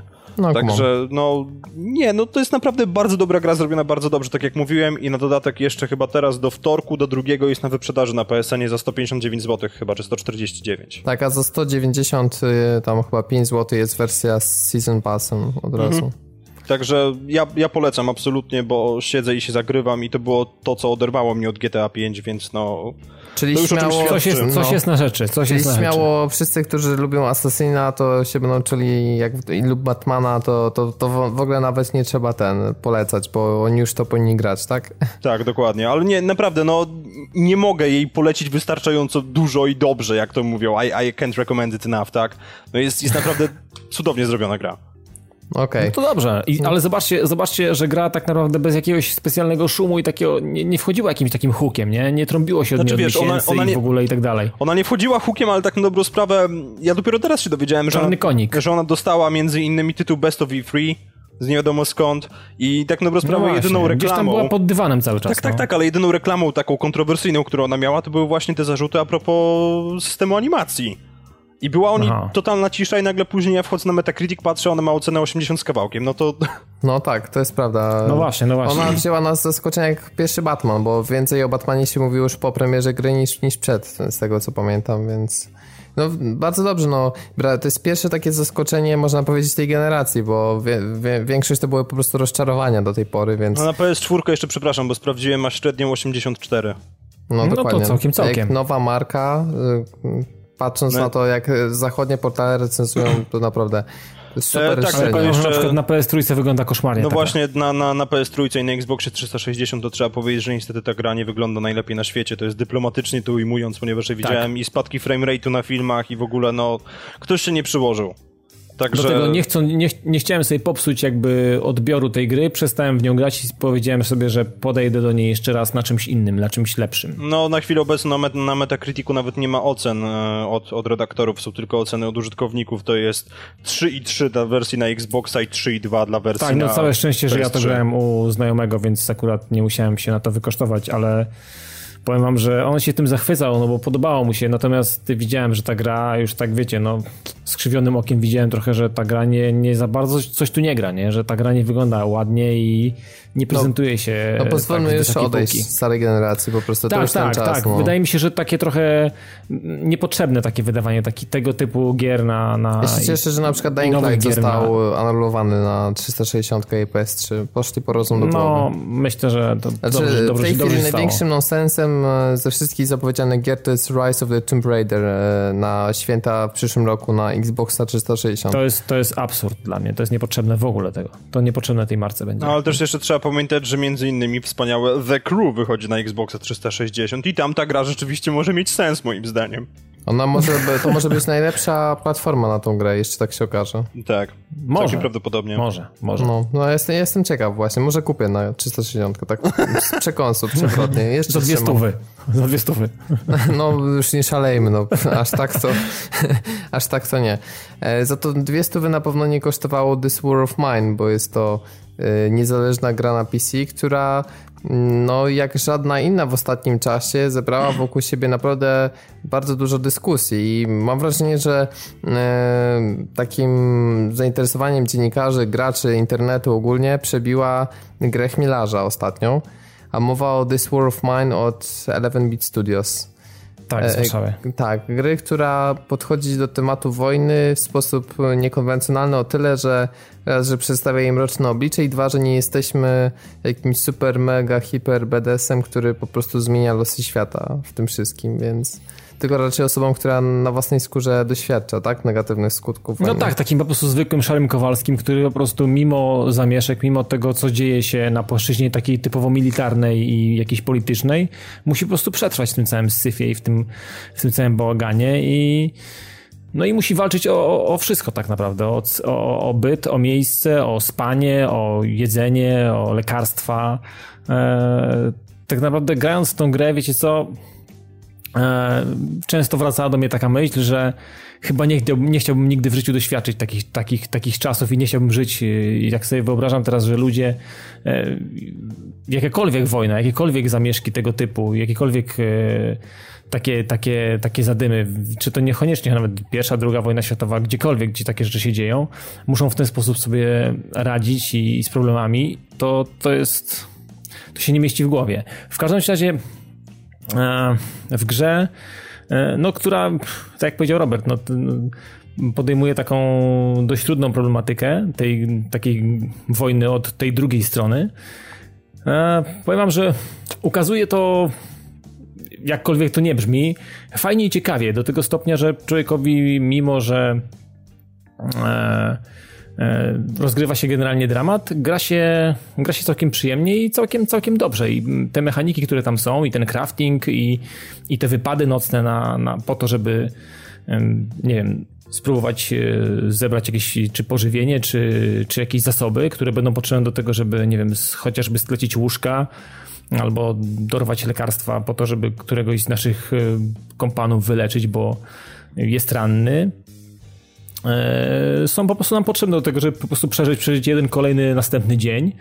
I, i, i znowu ta noc jest tym najistotniejszym elementem, bo to jest ten element taki, hmm, wiecie, gdzie od niego zależy tak naprawdę, jak, jak spędzimy potem dzień, na, na, na, co, na co spożytkujemy mm, ten czas, bo mm, to się wszystko dzieje w czasie rzeczywistym, więc y, czas nam elegancko upływa i jeżeli nie wyrobimy się z, nie wiem, z ugotowaniem zupy czy ze zrobieniem łóżek, no to przychodzi ta noc i gra nas jakby automatycznie zmusza do tego, żebyśmy wysłali tego, który, nie wiem, ma największy plecak albo jest najbardziej wypoczęty y, na misję tak naprawdę, na łowy. Jednego każemy tego, tego, który jest ewentualnie chory, czy jest e, w jakiś sposób zmęczony, kładziemy do łóżka i ewentualnie ryzykujemy, możemy już drugiego też położyć do łóżka, jeżeli mamy takie łóżko, ewentualnie zostawić kogoś na czatach. Więc e, to już od nas zależy, bo mm, to czasami się kończy tym, że e, ktoś nas nawiedzi, w poszukiwaniu też jakichś, wiecie, zasobów i dojdzie do jakiejś tam szarpaniny, ewentualnie do jakiejś, do jakiejś draki i potem dowiadujemy się po powrocie tego, tego z nocy, że, że był, był ktoś u nas, próbowali nas obrabować. No i w, tym, w tej potyczce jeden z naszych e, e, kolesi, którymi tam zarządzamy, został po prostu ranny i, trzeba go teraz i, i jakiś albo opatrzyć, albo po prostu sobie, sobie się, zająć się nim i w jakiś sposób mm, pomóc, żeby przeżył, nie? E, ale generalnie e, powiem wam, że co jest od samego początku fajnie, bo je, odpalając grę, tak naprawdę nie mamy niczego, nie ma żadnego tutoriala, e, nie ma żadnej informacji, co mamy robić, co, nie ma nic tak naprawdę. Zostaje nam wygenerowana grupa ludzi mm, i to są za każdym razem inni ludzie z innymi jakby mm, atrybutami, właściwościami, bo e, może się nam wygenerować taka ekipa, który, w której jest kobieta, E, dodatkowo na przykład, nie wiem, jest ranna na przykład, albo jest już chora e, i trzeba na dzień dobry próbować się, nią w jakiś sposób zająć, co jest bardzo trudne na samym początku, bo nie mamy żadnych zasobów i, i te, które uda nam się znaleźć E, w tym domu, w którym mieszkamy, bo wiecie, generalnie to jest jakaś tam, na dzień dobry trafiamy do jakiejś, mamy jakąś taką ruinę, w której nam się udało, no stwierdziła ekipa na początku, że dobra, tu nam może być dobrze i tu w jakiś sposób możemy się ulokować. Natomiast to musi potrwać i to trwa z reguły kilka dni, zanim, nie wiem, odgruzujemy jakieś tam mm, e, miejsca w jakichś pokojach, ewentualnie jak nam się uda znaleźć jakiś wytrych, żeby otworzyć e, szafkę, która gdzieś tam jest, ale jest zamknięta na początku, nie możemy się do niej dostać i tak dalej, i tak dalej. Więc mm, to, to jest tak, że tutaj trzeba postarać się o to, żeby przetrwać każdy kolejny dzień. To jest bardzo, bardzo ważne. Do tego, do tego stopnia, że e, może dojść do takiej sytuacji, która mi się zdarzyła i, i wtedy jest już e, bardzo trudno, gdzie podczas wypadu nocnego kolesia po prostu mi zabili, nie? trafiłem do jakiejś takiej szkoły chyba, czy, czy jakiegoś takiego marketu, gdzie już ktoś mieszkał. No i ja sobie na spokojnie wpadłem tam, zacząłem im robić lodówkę, bo tam znalazłem jakieś, wiecie, warzywa, woda i jakieś tam cuda. No ale oni... Jezu, myślałem przez moment, że takie się eufemizm, zacząłem robić lodówkę. nie, nie, nie. No i mówię, dobra, bo ja potrzebowałem tego jedzenia, to było bardzo istotne, więc wybrałem się do tego supermarketu, no ale okazało się, że tam już mieszkają kolesie. No i jak mnie dojechali, a ja, że nie miałem żadnych e, sprzętów przy sobie, no to tak mi tego mojego jednego typa ubili. No i okazało się, że kolejny dzień zaczyna się, mm, e, ten, który poszedł na noc nie wraca, więc automatycznie pojawia się element smutku u tych, którzy są. E, to wpływa też niekorzystnie na to, jak oni działają, jak oni funkcjonują. No to trochę taka mechanika przypominająca Fahrenheita. Nie wiem, wiesz, nie grałem, więc nie, trudno mi powiedzieć. Natomiast e, tutaj jest bardzo dużo zależności i tak naprawdę mm, konsekwencje są bardzo bolesne. Yy, odczuwalne niemalże natychmiast. Znaczy, konsekwencje błędnych decyzji, nie? Więc yy, tutaj, tutaj nad wszystkim trzeba się zastanowić i, i czasami jest tak, że wpadasz na przykład do domu, gdzieś tam w nocy robisz sobie wypad na przykład tym kolesiem, który ma duży plecak, ma na przykład 15 miejsc w plecaku, więc i dodatkowo jego atrybut, jego zdolność szybko przeszukuje gruzowiska, czy skrzynie, czy jakieś lodówki właśnie, że nie potrzebuje dużo czasu, bo nam się pojawia takie kółko, takie wiecie, i, i widać ile czasu mu zajmie na przykład przeszukanie danej lodówki, albo przekopanie jakiegoś tam gruzowiska, czy otworzenie czegokolwiek. No i on ma taką zdolność, że robi to dosyć szybko. No ale kiedyś wpadłem do jakiegoś domu, i rozumiecie, tam siedzi sobie para staruszków, nie? No i teraz tak, oni mówią, że no, że ta żona jest chora, że mm, potrzebuje te lekarstwa i teraz ty musisz decydować, czy bierzesz te lekarstwa od nich. Oni, oni oczywiście z tą nie walczą, bo są starszymi ludźmi, nie? Ale, ale wiecie, takie, taki moralniak na dzień dobry, tak? No, bierzesz te prochy, albo nie bierzesz i twój kumpel będzie cierpiał jeszcze z 2-3 dni, może znajdziesz gdzie indziej te prochy, albo zabierzesz te prochy i kumpel nie będzie cierpiał, ale ona umrze na przykład, nie? Bo dziadek nie jest w stanie ci zrobić krzywdy, bo jest za stary, jest niedołężny.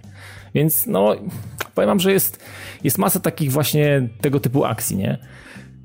No i oprawa graficzna całej, całej tej gry, generalnie wiecie, no jest, jest szaro, buro, smętnie, jest, jest niefajnie generalnie, nie? Nie wiem, czy w ogóle wy oglądaliście jakieś materiały? Macie jakieś, macie jakieś pojęcie na temat tak, tego? Tak, tak, zastanawiam się, czy ona jest wystarczająco czytelna, ta oprawa, bo... Znaczy oprawa tak... jest czytelna, ona, ona, jest, ona jest y, fajna w odbiorze, ciekawa w odbiorze, bo to jest taki jakby um, oglądanie takiej animacji rysowanej ołówkiem, takiej, wiecie, taka kredka ołówek. Nawet w ustawieniach systemowych jest tak, że można sobie ustawić nawet y, grubość tego ołówka, albo taki dość wyraźny, albo taki dość cienki.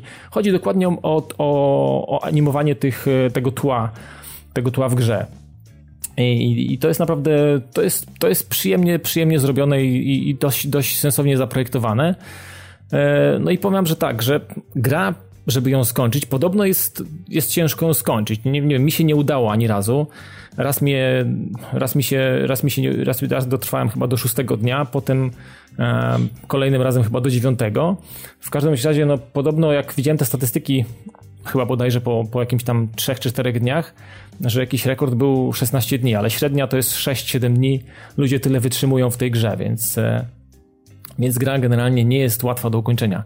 No, ja, ja na pewno będę próbował. Jestem po, po czterech czy tam pięciu godzinach grania i powiem wam, że mimo wszystko nie udało mi się tego skończyć, ale to jest tak, że mam, mam ochotę grać, bo za każdym razem odpalając grę, ona jest zupełnie inna. Mimo, że chodzi o to samo, Mm, dostajemy Ale co, w innym ekipę. miejscu?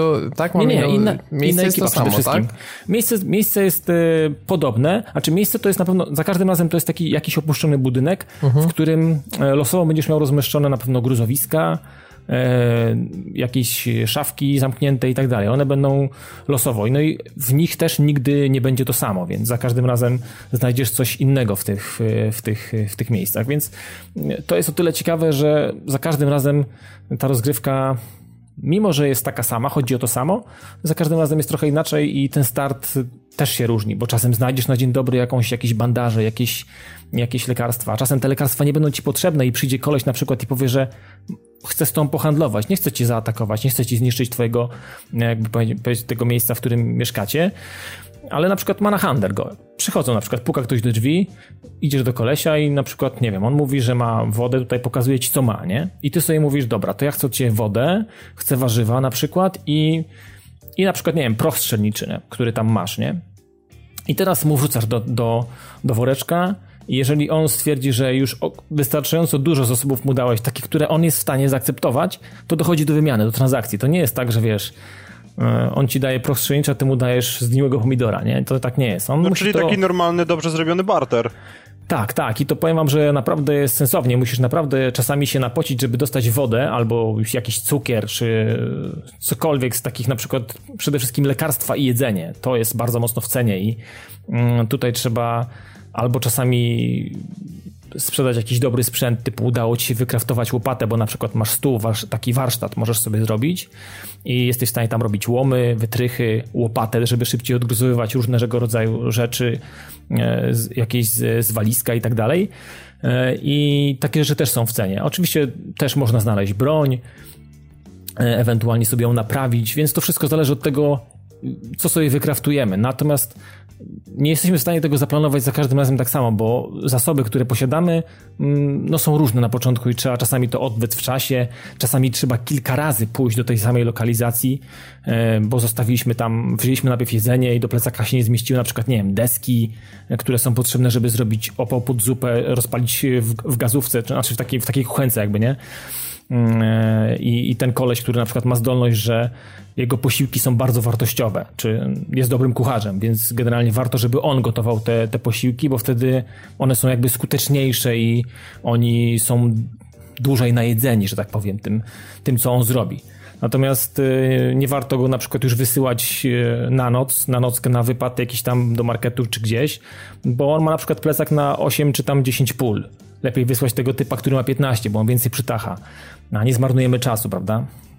Więc powiem wam, że to jest ciekawe, ciekawie się w to gra. To jest raz, że problematyka jest dość ciekawa i nie pamiętam gry, która ukazywałaby e, głównych bohaterów od tej strony, a dwa, że mechaniki, które są za, zaszyte e, i elementy jakieś tam, nawet lekkiej platformówki, bo gdzieś tam musisz gdzieś się wspiąć, gdzieś poskakać, natomiast na zasadzie, wiecie, wydajecie typowe zadanie, e, tam na górę, trochę, trochę taki point and click, no powiem że różn, różnych, taki, taki miks różnych takich, takich ciekawych rzeczy, i chyba nie pamiętam gry, która miałaby tak dobrze to wszystko dobrane i tak, tak smacznie to wymieszane, więc to jest dobre. To jest dobre i to jest naprawdę dojrzała produkcja.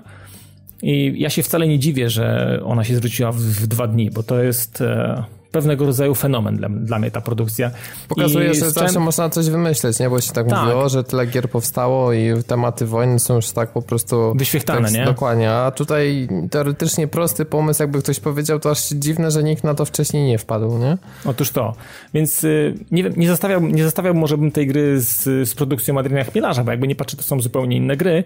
Natomiast wydaje mi się, że jeżeli chodzi tak ogólnie rzecz ujmując, jeżeli chodzi o nasze poletko polskie, e, to ciekawie mi się gra w produkcję 11-bitu, także to jest, mhm. Przy czym, to jest moje, wiesz, moje zdanie. To jest i tak kwestia, że mm, każdemu krajowi życzymy, wiesz, takich, takich pojedynków, jeśli chodzi o A nie, no oczywiście, oczywiście, prawda? oczywiście. Wiesz, to stymuluje dodatkowo, więc to, to jest, to jest, to są zdrowe sytuacje, więc e, no nie wiem, ja This War of Mine polecam każdemu i kto mnie pyta o tą grę i widzi, że gram, czy albo e, gdzieś tam mnie zaczepi na Steamie czy coś, to polecam bez dwóch zdań. To jest naprawdę mm, hicior nasz polski, i, i, i, naprawdę dobrze zrobione. To jest naprawdę gra na, na światowym poziomie. To, to, to, nie jest jakaś hała.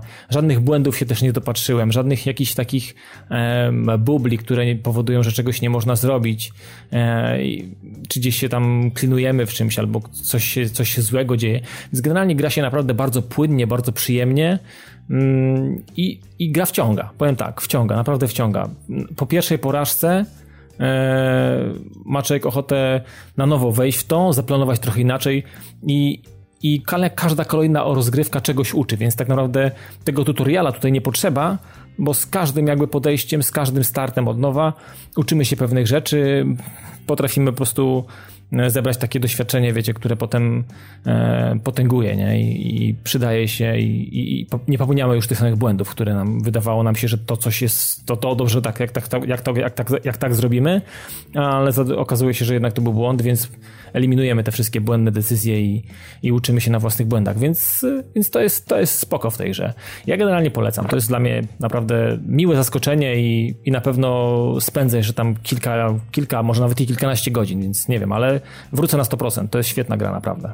No to świetnie, no to polecamy zdecydowanie. I teraz e, na deser sobie zostawiliśmy grę, którą omawialiśmy wstępnie. E, była to grana przeze mnie gra Far Cry 4. Mm, a może jeszcze zanim, zanim, zacznę, to tak a propos, bo często mówicie nam, czy, czy, też słyszę w innych podcastach, że nie wymieniamy tytułów gier. To e, gra, którą zachwyca się Dawid, nazywa się This War of Mine. Także jakbyście tak. szukali, to jeszcze tak e, na marginesie dla przypomnienia. A teraz już, e, tak jak wspomniałem, Far Cry 4.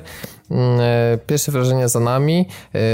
Tydzień temu narzekałem głównie na słabą fabułę i trochę się właśnie na tym elemencie zawiodłem, ale teraz będziemy się chyba z Dawidem bardziej rozpływać, tak, takie mam wrażenie, dlatego że po odrzuceniu w pewnym sensie tej, tej nieszczęsnej fabuły głównego wątku i zajęciu się e, temu, co twórcy przyszykowali w tym naprawdę bardzo rozległym i rozbudowanym świecie.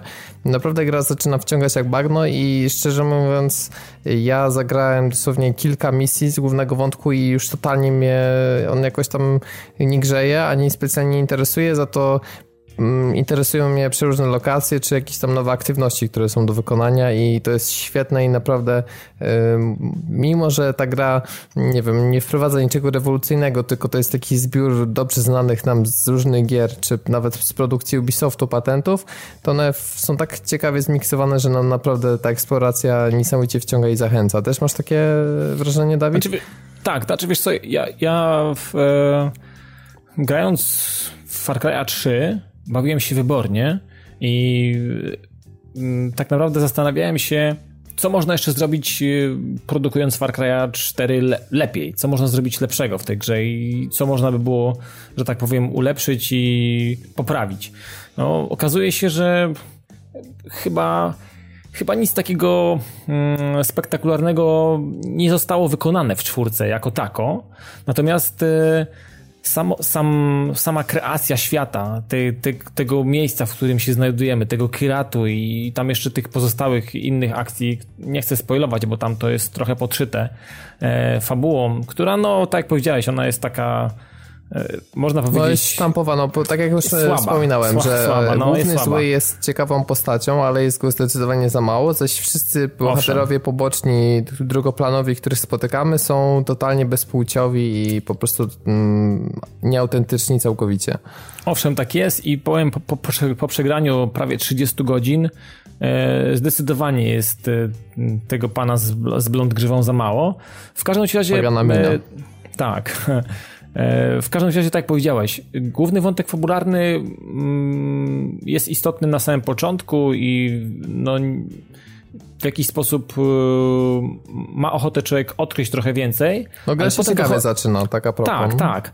I, i potem, ale potem dochodzi mm, do tego, mm, że tych e, aktywności pobocznych jest naprawdę tyle i one są tak ciekawe, tak jak powiedziałeś, i sam świat jest w sobie ciekawy, że e, przez chwilę zapominasz i wracasz po jakimś czasie, jak ci już na przykład znuzi szukanie, nie wiem, e, masek albo kręcenie kółeczkami, tymi beczkami, tak nie wiem jak to się nazywa dokładnie. W każdym razie, no, no jak, jak zaczniesz się nudzić tym, co oferuje ci świat, niemalże na wyciągnięcie ręki, to wracasz do tych głównych misji, albo zaczynasz robić sobie, albo zajmujesz się twierdzą. Wiesz, jaki to jest moment, kiedy się rzucasz wir tych pobocznych zadań?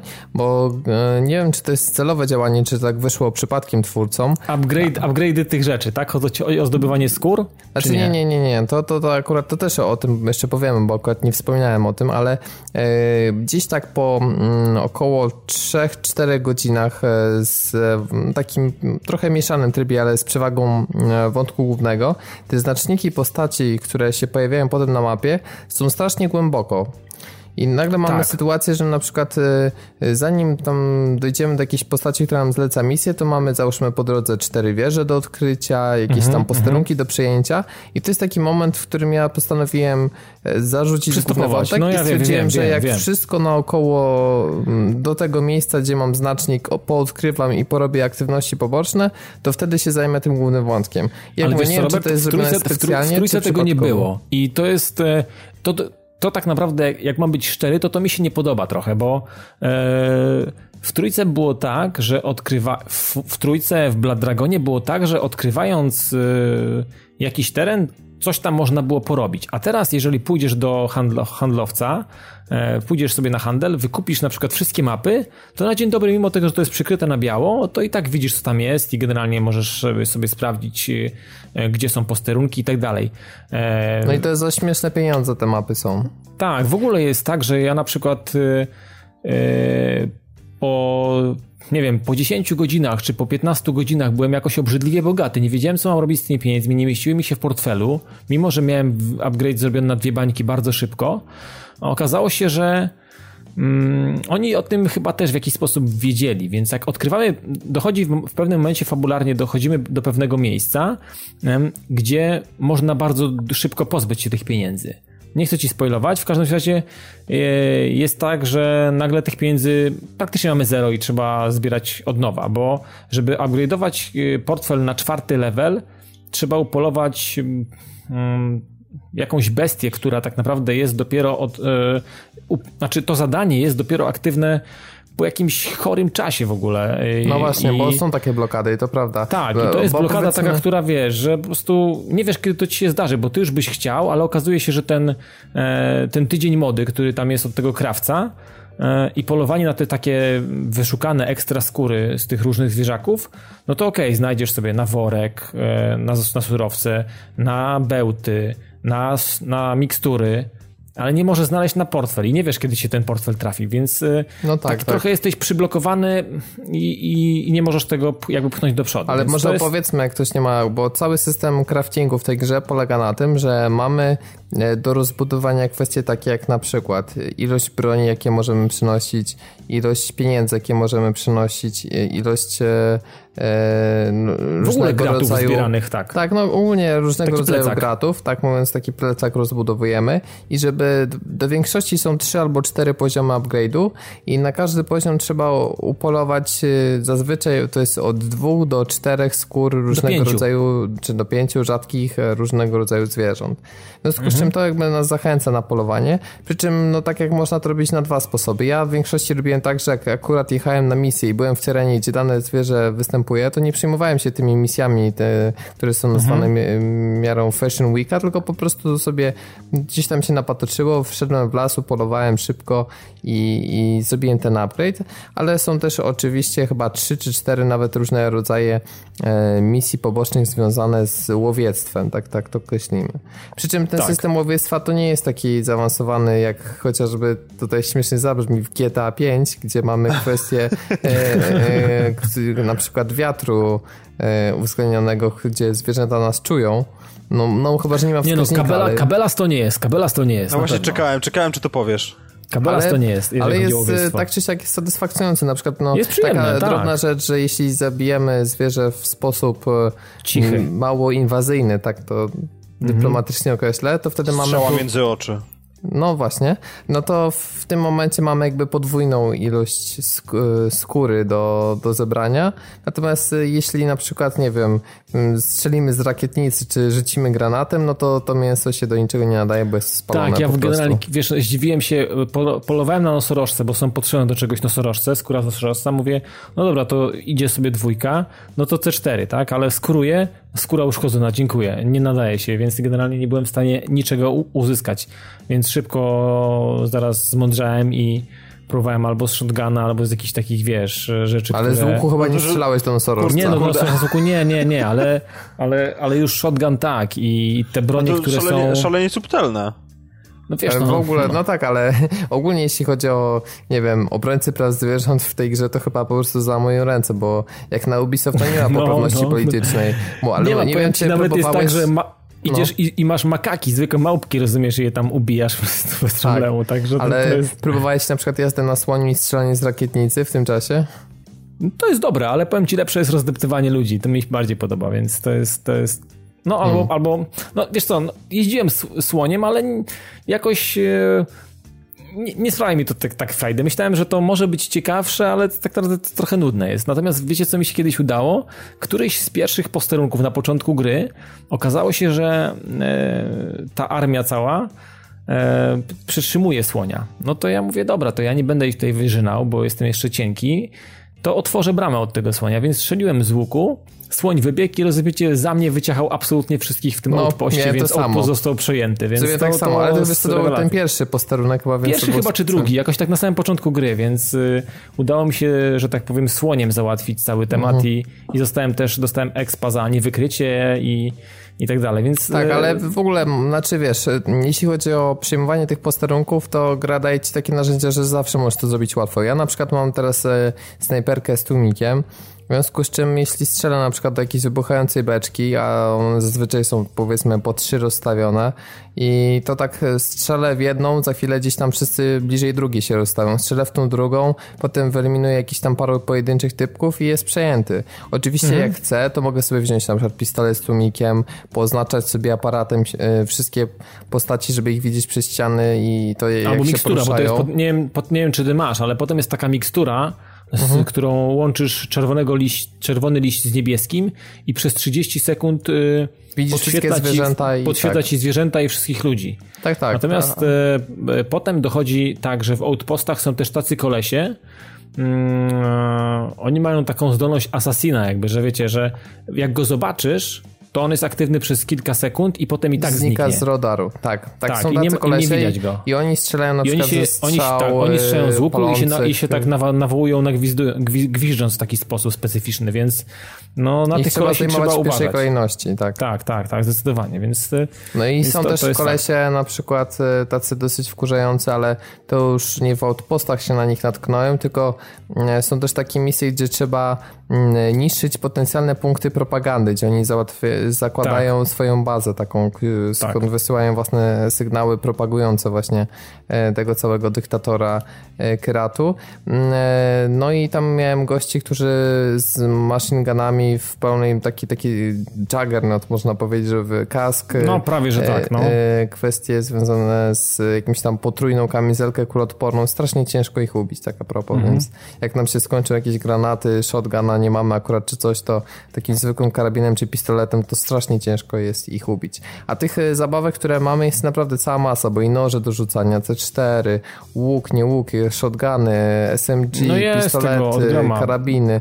Naprawdę możemy się bawić tym światem do woli, a na przykład bardzo mi się podoba, że silnik fizyczny jest taki wdzięczny, więc te, te efekty naszych działań, czy, tak jak już raz na grupie padowej pokazałem, czy wybuchy, czy, czy na przykład to, jak, jak ragdole działają. No, dzisiaj miałem sytuację, tak. kiedy przeciwnicy mm, zamiast gonić mnie przez most na drugą stronę, to wjechali w dół y, w 100-metrową przepaść i potem tylko spojrzałem przez lunetę snajperki i widzę takie dwa trupy koło pick-upa leżące i samochód, który się tam dymi, więc no naprawdę śmieszne rzeczy się dzieją czasami z tym AI i, i po prostu nawet takie randomowe rzeczy, które nam się przytrafiają jadąc, nie wiem, z misji pobocznej na misję poboczną, po prostu potrafią zaciekawić i to są takie nieoskryptowane historie, które często się w GTA na przykład dzieją i to im się też tutaj udało, więc e, zdecydowanie.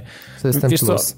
mi się, mi się podobają y, też y, takie nowe elementy, typu zbieranie karmy, tych punktów do To ja tego jakby... powiem może na czym to polega. To mamy tak jak mm, w GTA 5 y, spotykamy, to Piotrek, no, nie wiem czy ty bierzesz w nich udział, że jedziesz ulicą i nagle widzisz, że Strangers and ktoś... Freaks.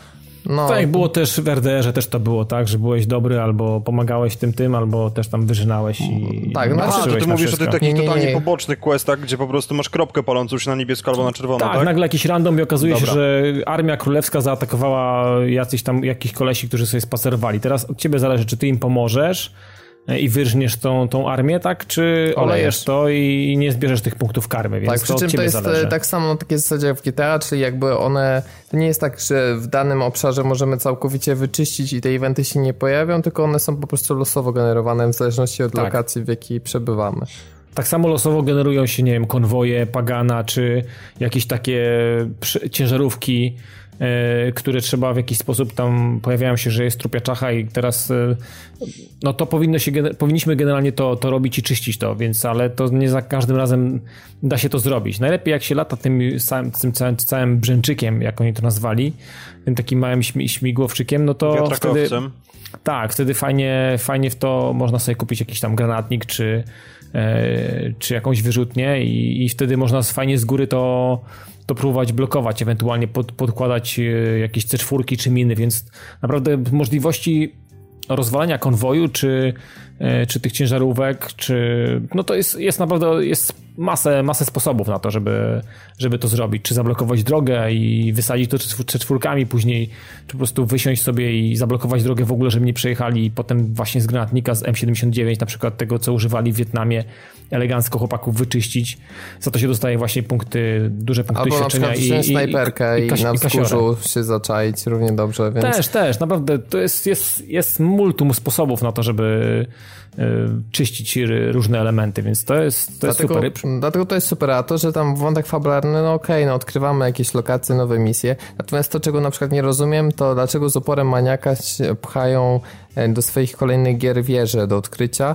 E, Z dwóch względów one są bez sensu w Far Cry 4, bo po pierwsze i tak kupujemy te mapy, które nam pokazują wszystkie Tak. lokacje w danym miejscu, więc e, bo i to, jest nawet dupy, jest no. tak, że trzeba kupować w tym sensie, że masz pełen portfel, nie wiesz na co wydać kasę, no to, no, No, no, to na tą dokładnie, mapę, dokładnie. więc to jest to Znaczy, nie, ten- ten- można ten się jest- ale tutaj, nie ma sensu. Tutaj, tutaj jest brak balansu, fakt, że... To jest jak w że- Assassinie, nie wiem, Brotherhoodzie chyba, czy no w którymś było, że po prostu no mamy za duży, za, szybki przypływ jest tej gotówki, no nie zbalansowali tego wyraźnie. Tak, tak, ewidentnie, ewidentnie. A portfel mamy na przykład tylko na 500 e, tysięcy. No na, na początku tak. Potem... tylko, tylko na 500 tysięcy, to jaka tam jest waluta? No to jest Azja teoretycznie, Himalaja, w związku okay, z czym... To są jakieś tam krupie, krupie czy coś, więc generalnie, no powiem ci, bardzo szybko stałem się tak obrzydliwie gotow, bogaty, że on mi nie podnosił gotówki, tylko na przykład tak. mi zbierał e, zwykłe, zwykłe rzeczy typu, nie Wystarczy dwie godziny gry i mamy po prostu te 500 tysięcy murowane, no tak, tak. to trzeba Jak spojrzeć. szybko zrobisz update na dwie bańki, czy tam na bańkę, potem na dwie bańki chyba, no to, to już nie. No i potem trochę się czyści portfel, jak trafisz w to jedno miejsce i trochę tam powydajesz sobie, ale to też no, nie jest koniecznie, żeby to wydać, więc to jest, ja wydałem tak, bo mam OCD, więc wydałem to po prostu, bo chciałem mieć wszystko kupione w tym miejscu, więc okej, okay, no wyczyściłem portfel, i, mam tam wydane całe, całe kasiory, wydałem tam chyba mhm. z trzy bańki w to, A, no w tym miejscu, więc, więc yy, okej, okay, ale ale tak naprawdę trochę bez sensu. I wiecie co, jak trochę pograłem też, to zauważyłem, że e, niektóre miejscówki e, nie mają wykorzystanego takiego potencjału, chociażby lotnisko. kurczę, mówię, trafiłem na lotnisko, mówię, to pewnie sobie czymś polatam. Okazuje się, że nie, że jak chcę polatać, to mam właśnie brzęczyk, mam e, lotnie i mam ten skafander, tak, który gdzieś tam dochodzi po jakimś czasie, można go kupić. Natomiast samolotów na lotnisku nie ma. Kurde, i byłem trochę zły na to, że, że no, nie dali możliwości polatania. Tym bardziej, że no, prosiłoby się obszar, jak złoto, no. Obszar gry jest naprawdę ogromny. Ogromny jest, ogromny jest. Naprawdę powiem wam, że teraz 30 godzin i ja mam odkryte dopiero ten dół i do tego przesmyku doszedłem i ten, za tym przesmykiem nie mam jeszcze nic odkryte, więc tej drugiej części nie mam w ogóle odkryte. Mam 51% po 30 godzinach grania. No. Fakt faktem, że wiecie, jak tam trafiłem na lokalizację tą pierwszą, zaczynamy ten początek, no to wszystkie maski, wszystkie e, do zakręcenia te, te, te, te, te beczki, no, wszystkie tak listy, samo, tak. wszystkie, nawet głupie skrzynki z kryształami, wszystko, Ale to się wszystko, chce, wiesz, wiesz, że ja, Ale się chce, tak, tak, wiesz, że tak. Dawid, ja jestem przeciwnikiem znajdziek, a tutaj, wiesz no to jednak pomaga też, bo przy tak ogromnym świecie, powiem szczerze, że gdybym miał te 150 e, na przykład plakatów szukać wszędzie i zrywać, no. to by mi się nie chciało. Zrzegałbyś się, no wiadomo. Po prostu... A ci, ja już mam, a ja plakatów mam zebrane chyba 90 już. No ja mam dopiero chyba 31, jestem po 10 godzinach gry i mam tam na liczniku 20% e, mhm. gry. Także naprawdę to dosyć powoli leci, ale tak jeszcze wracając, bo, bo przypomniałem sobie, że nie skończyłem, że z dwóch e, powodów są te wieże bez sensu.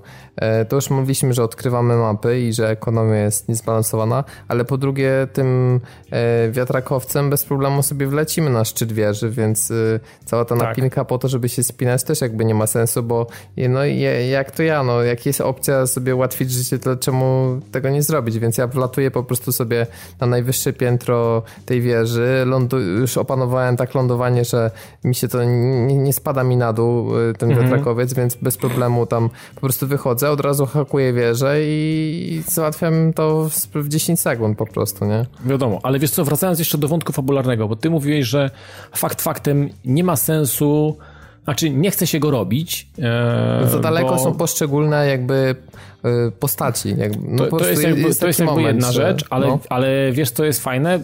Już tak powiem ci z perspektywy pogrania takiego dłuższego, że dzięki misją z wątku fabularnego znajdujemy się w miejscach, w których się normalnie znajdziemy eksplorując mapę i to jest świetne, bo na przykład e, e, trafiając w, w pewne lokalizacje gdzieś wysoko w Himalajach, gdzie potrzeba chodzić w masce, gdzie, nie wiem, trafiamy do jakiegoś, nie wiem, no, pseudowięzienia, no tam nie trafimy normalnie eksplorując I, mapę. I to jest super sprawa, dlatego że, tak. bo tam słyszałem głosy, a bez sensu, że nie da się tych, e, nie wiem, wysokich Himalajów e, normalnie eksplorować. Tylko, że przy takiej strukturze gry często byłyby sytuacje, w której dochodzimy do na przykład, tak jak powiedziałeś, lotnisko i wygląda to wow, ale to jest super. I na przykład widać, że ta lokacja jest martwa, nic się nie dzieje, bo nie załączył się skrypt i na przykład mhm. chcemy sobie wyeksplorować i e, nie wiem, szukamy tam, błądzimy przez pół godziny, po czym się okazuje, że za dwie misje mamy tam oskryptowane wielkie wydarzenie, gdzie po prostu wybuch na wybuchu jest ciekawie i się dzieje. No i, takie, I... tak naprawdę tak naprawdę jest, bo jak odkryjemy lotnisko, to u góry tam, w lewym górnym rogu, no to ono jest martwe i mamy tam znacznik, że to miejsce jest jeszcze tam niegotowe albo nic się nie dzieje, ale po tym jak są zrobione z tym misje, to łeb boli, kurde, Robert, kurde. Ale Powiem no ci, że no, misja no, ale... z samolotem jest po prostu tak zajebista, że głowa boli, no. No to jeszcze, no to jestem ciekaw, no w każdym razie chodzi o to, że w większości, no dobra, no bo lotnisko to jest taką, powiedzmy, no zawsze musi być jakaś misja na lotnisku. No musi być. I samolot też musi być, no wiadomo, no. i szczególnie w Himalajach. No. no, a się dziwię, że nie ma misji z pociągiem, bo nie widziałem nigdzie tam torów kolejowych. Może dalej jest, ale ja jeszcze też nie trafiłem. W każdym razie, no. E, w każdym razie, w większości tych lokacji to jest tak, że te, do których trafiamy normalnie, to na przykład są tam jakieś rzeczy do odkrycia, jakieś znajdźki, jakieś skarby, i ewentualnie potem jest to arena jakichś zadań pobocznych, gdzie rzeczywiście ta lokacja się zmienia, jest, na przykład wypełnia wrogami.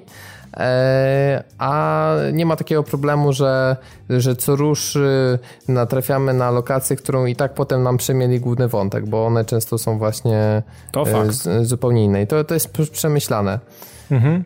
Natomiast też na plus jest taki, bo się bałem, że każda jedna taka lokacja, jaką masz te znaczniki, e, ten znak zapytania, który się pojawia, mhm. to że to będzie miejsce, gdzie będzie pełno przeciwników i tego strzelania będzie za dużo. I to bardzo fajne jest to, że rzeczywiście w większości tam są tubylcy i to są jakieś wioski, pojedyncze domy, gdzie tak, ludzie mieszkają. Tak, albo jakieś skałki, jakieś cave'y, jakieś tak, tak. I, tak. I to wbrew pozorom tego strzelania w Far Cry 4 tak dużo nie ma. I to jest dla mnie naprawdę plus, bo gdyby gdyby nastrali tych przeciwników po mapie, nie wiem, czy to jest tylko kwestia tej, tej lokacji, która jest bliżej początku gry. Ale wiesz co, Far Cry 3 też tak nie stał takim mocnym strzelaniem.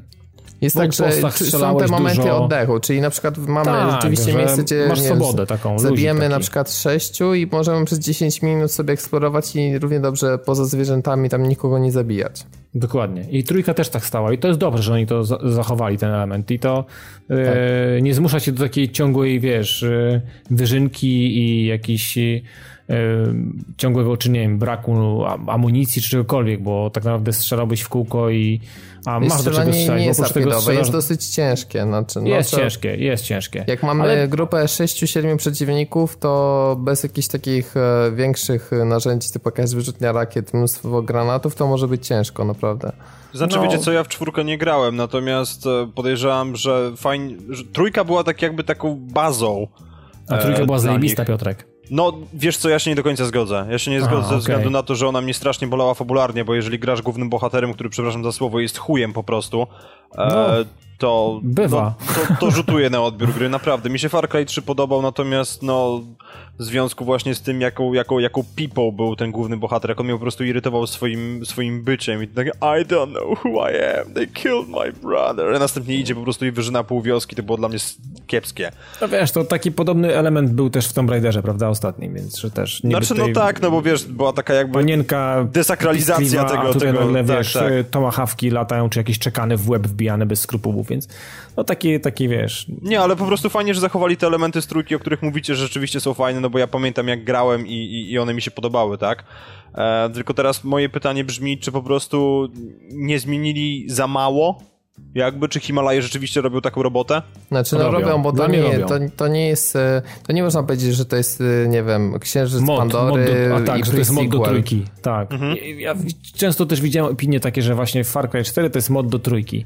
No, niby, można by tak powiedzieć tak naprawdę, ale to tak e, bardzo powierzchownie tak to można odczuć. Natomiast drzewko umiejętności, dodana karma, masę gratów, masę, masę pojazdów, e, masę różnego rodzaju takich Kwestie elementów. Mechaniki wspinaczki Mechanik, tak, no. tam mechanika wspinaczki chociażby, e, skafander do latania. No jest, jest kilka takich rzeczy, że, że czuć, że to jest że to jest Far Cry, ale to jest nowy, świeży Far Cry. To nie jest jakiś dodatek do trójki, bo, bo nie, bo to tak nie pasuje. To tak nie, to nie licuje się z tym po prostu, że to jest, wiecie, jakiś update do trzeciej części. W ogóle tego nie odczuwam w ten sposób. W ogóle, w ogóle. No, I pamiętasz jeszcze, jak dyskutowaliśmy przed moim zakupem właśnie Far Cry 4, czy nie będzie zwierzyna zbyt ingerować w nasz gameplay i czy nie będzie wkurzająca? I nie, i, i nie ingeruje, prawda? E, no nie, ingeruje, nie ingeruje generalnie. To jest tak, że e, poszczególne gatunki zazwyczaj występują na dosyć wąskim terenie i jest to wyraźnie zaznaczone na mapie. Przy czym to też nie jest tak, że nie wiem, gdzie tu występuje tygrys, to znaczy, że wchodzimy na lokację i co 5 metrów, rozumiesz, stoi tygrys, nie? Ja wielokrotnie to, że... miałem tak, że na przykład szukałem niedźwiedzia, wchodzę na, na lokalizację lokalizację, gdzie on powinien być, a go nie ma. Więc tak. muszę po prostu sobie zająć się czymś innym i spróbować wrócić znowu, bo... Poza tym bo... niedźwiedzie są śmieszne i one lubią sobie na przykład pobiec do najbliższej wioski, wioski i pozjadać wszystkich ludzi. Możemy na sobie przykład. przyjść i popatrzeć, jak oni walczą no, między Albo sobą. Miałem też taką sytuację, że wiesz, wpadłem na jakąś lokalizację, gdzie powinien być niedźwiedź, a nagle okazuje się, że są dwa i między sobą walczą, więc... No ja widziałem, jak dwa tygrysy walczyły ze sobą. No, więc jest, jest dużo, dużo takich fajnych akcji. Tak, natomiast pływanie, pływanie, drukowanie są... też oczywiście jest tak samo dobre jak w trójce, więc tutaj się nic Ale nie zmieniło, właśnie, to jest super. te wielkie ryby wkurzają. To, te wielkie ryby są z dupy tak naprawdę, nie podoba mi się. Jakby tak. zrobili piranie jakieś takie przerośnięte, to by było ok, ale nagle to jakaś ryba jakaś tam sobie ok, atakuje mnie, no jakiś tak, no demon, i, no ryba w wodzie demon. wiadomo, nie ma jak się bronić specjalnie, więc... E, tak, więc... Jest to po prostu wkurzające, więc e, na szczęście często są jakieś karabiny maszynowe, ja po prostu zastosowałem sobie takie polowanie, że strzelałem losowo wodę i w końcu na powierzchni się ukazał, albo gdzieś tam no tak, tak, spadało, tak, bo to tak, różnie tak. bywało. No generalnie, generalnie słabo. Słabo jest z wodą, z wodą, bo krokodyle są bardzo rzadko, yy, ale są. No i te przerośnięte karpie to jest takie trochę z dupy. No, tak, więc, więc to one wkurzają się o zwierzynę i druga rzecz na lądzie to są te, nie wiem czy to orły, czy jakie to ptaki atakują, ale... tak, tak, są o, jakieś... One generalnie ale, ale atakują też... za często według mnie. Mam takie wrażenie, że gdyby z taką częstotliwością orły atakowały ludzi, to byśmy mieli latających ludzi po jakimś I czasie. No. Powiem szczerze, że gdyby wyeliminować właśnie wielkiego karpia, pana wielkiego karpia, jak to tak, można tak, nazwać, tak, i, tak. i rozumiesz jakiegoś orła ze wścieklizną, to naprawdę można było powiedzieć, że absolutnie nie przeszkadza zwierzyna.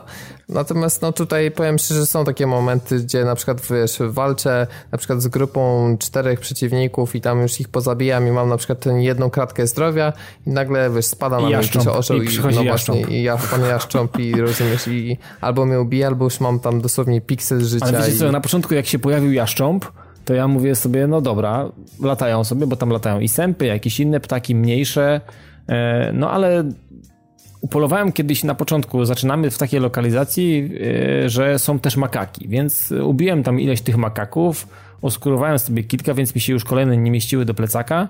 No i, i patrzę, co robi pan Jaszcząb. Pan Jaszcząb bierze makaka i bierze go w powietrze, rozumiecie? I po czym kilka razy widziałem, kilkukrotnie widziałem, że Jaszcząb ptacha jakąś kozę zabitą przeze mnie albo jakieś tam inne owieczki i kurczę, wiesz, brał gdzieś, zrzucał, a potem gdzieś tam lądował i po prostu próbował sobie je zjeść, więc to jest takie w sumie spoko. Natomiast to, tak, to że tak. atakują ludzi, to tak e, za często i tak naprawdę z czapy, bez, bez jakiegoś... Mm, no, nie jest to logiczne tak naprawdę. Nie wiadomo tak. po co one atakują i dlaczego atakują, więc... I poza tym strasznie to tak dosyć słabo wygląda, jak widać, że się już tak zablokuje na graczu i że tak pikuje. To nie jest takie płynne tak, przejście, tak, że sobie tak, leci tak, nagle na nas, tylko tak, kręci się, kręci i nagle widać, Owszem. że jest ten moment, że już animacja się załącza. Więc to im nie wyszło, ale ten świat żyje, on jest interaktywny i przede wszystkim to jest super, że w końcu, po, bo to często jest zarzut do, nie wiem, takich gier jak Destiny na przykład, czy Infamous, gdzie te światy nie wyglądają autentycznie, to ja bym powiedział, że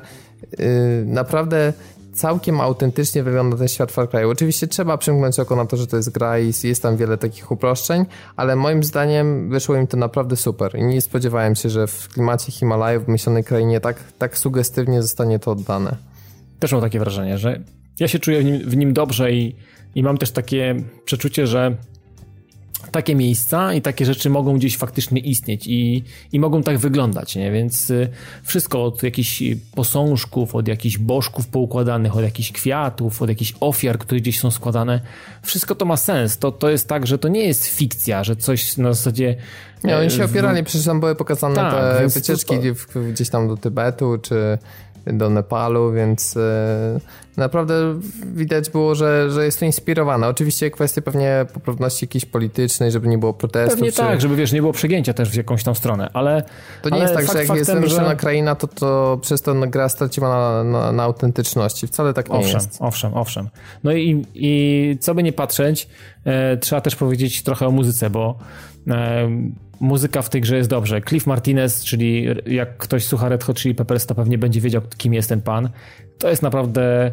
Może nie jest tak... E, mm, ciekawa i tak dynamiczna jak w trójce, gdzie faktycznie przychodziło nam, przychodzi, była jakaś akcja albo była do wykonania jakaś misja, trafiliśmy na jakiś teren i ta muzyka była taka, że człowiek gdzieś tam ta adrenalina się wytwarzała. E, tutaj jest to trochę może mniej dynamiczne, ale Nie wiem, Orientalne czy... kawałki dają najlepiej Tak, ale nie wiem, czy miałeś, ja miałem skojarzenia od razu Uncharted, wiesz, momentami takie, A, tak. kurcze, mhm. tak, że zagrałem i tak, i tak Shambhala, właśnie Shangri-La i to mówię, kurczę, to to tutaj to siedzi w ogóle i tak i to było dobrze oddane, więc, więc muza w grze też jest naprawdę niezła i, i no, byle kto, byle kto nie siedzi. No. To był strzał w dziesiątkę ten klimat, dlatego że świetne, wysp świetne. tropikalnych już trochę było, natomiast y, Himalaje są dalej jeszcze mało wyeksploatowane w grach i, i tutaj to wyszło im idealnie. Dlatego jak już podsumowując tą naszą dyskusję i z tego tygodnia i zeszłego, no to też wasz odbiór Far Cry'a będzie zależał od tego, czy, czy oczekujecie takich y, bardzo wiem, świetnie napisanych historii, które was poprowadzą za rączkę, czy potraficie sami sobie stworzyć y, ciekawe historie poprzez właśnie interakcję ze światem, jakieś takie niecodzienne wydarzenia, na które traficie,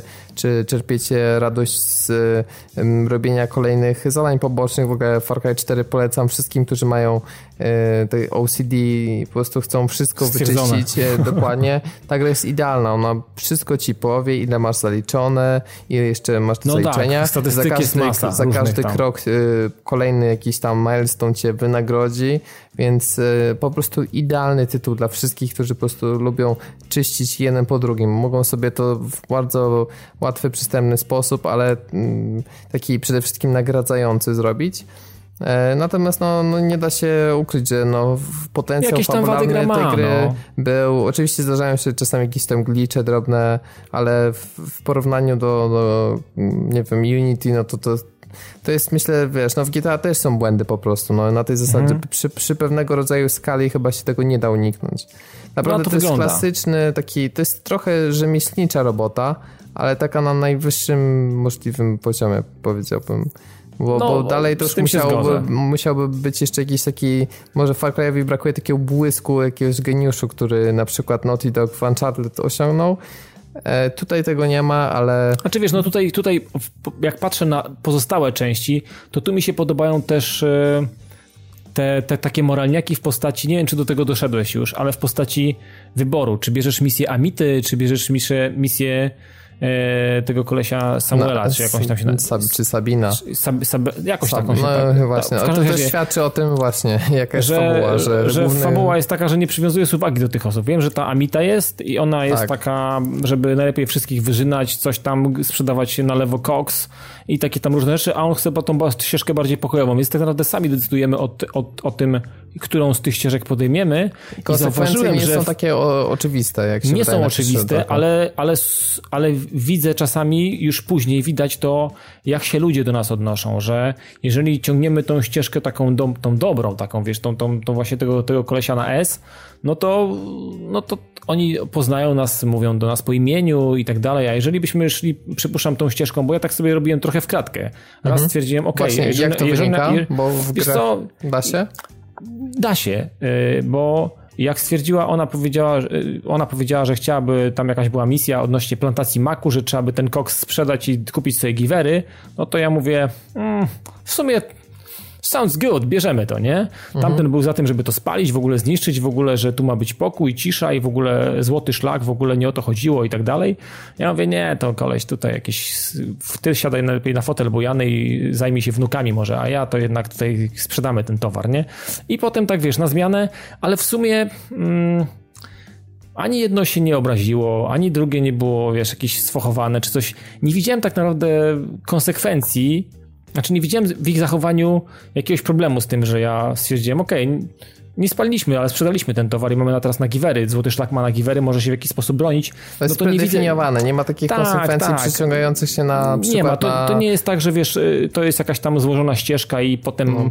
on to zapamiętuje, czy w jakichś takich złożonych herpegach, że okej, okay, on, zap on zapamiętał, że tak powiedziałeś tak. i tak naprawdę, no, czy, czy jak The Walking Dead, Dead nie? Że, no. czy, dokładnie, zapamiętane zostały pewne decyzje i teraz w zależności od tego będzie bardziej czujny albo mniej, mniej ufny, czy na tej zasadzie, prawda? Ale Więc z drugiej tak strony nie, nie ma e, nie, znienawidzonego przeze mnie systemu e, reputacji, gdzie możemy tylko zdobywać punkty zła i punkty dobra, bo inaczej mamy zero punktów, więc y, y, no, mi się podoba to, że o ile te konsekwencje są iluzoryczne, tak y, no tak jak to z wyborami w życiu, no, nie, nie, nie mogą być cały czas czarno-białe, czasami się zgodzimy z jedną osobą, czasami z drugą. No tak, I, tak, i tak. dzięki ja temu... Tak, ja tak też staram się grać właśnie. Tak, i to jest najciekawsze, więc ja bym powiedział, że z dwojga złego, tak mówiąc, to wolę tak jak jest teraz, niż gdyby specjalnie był zbudowany właśnie system reputacji pod to i, bo już po prostu zrobiłoby się za ciężko przy tych wszystkich systemach, statystykach, które już teraz są dostępne, skillach, jakby jeszcze tą reputację dorzucili, to już tak trochę bym się czuł, że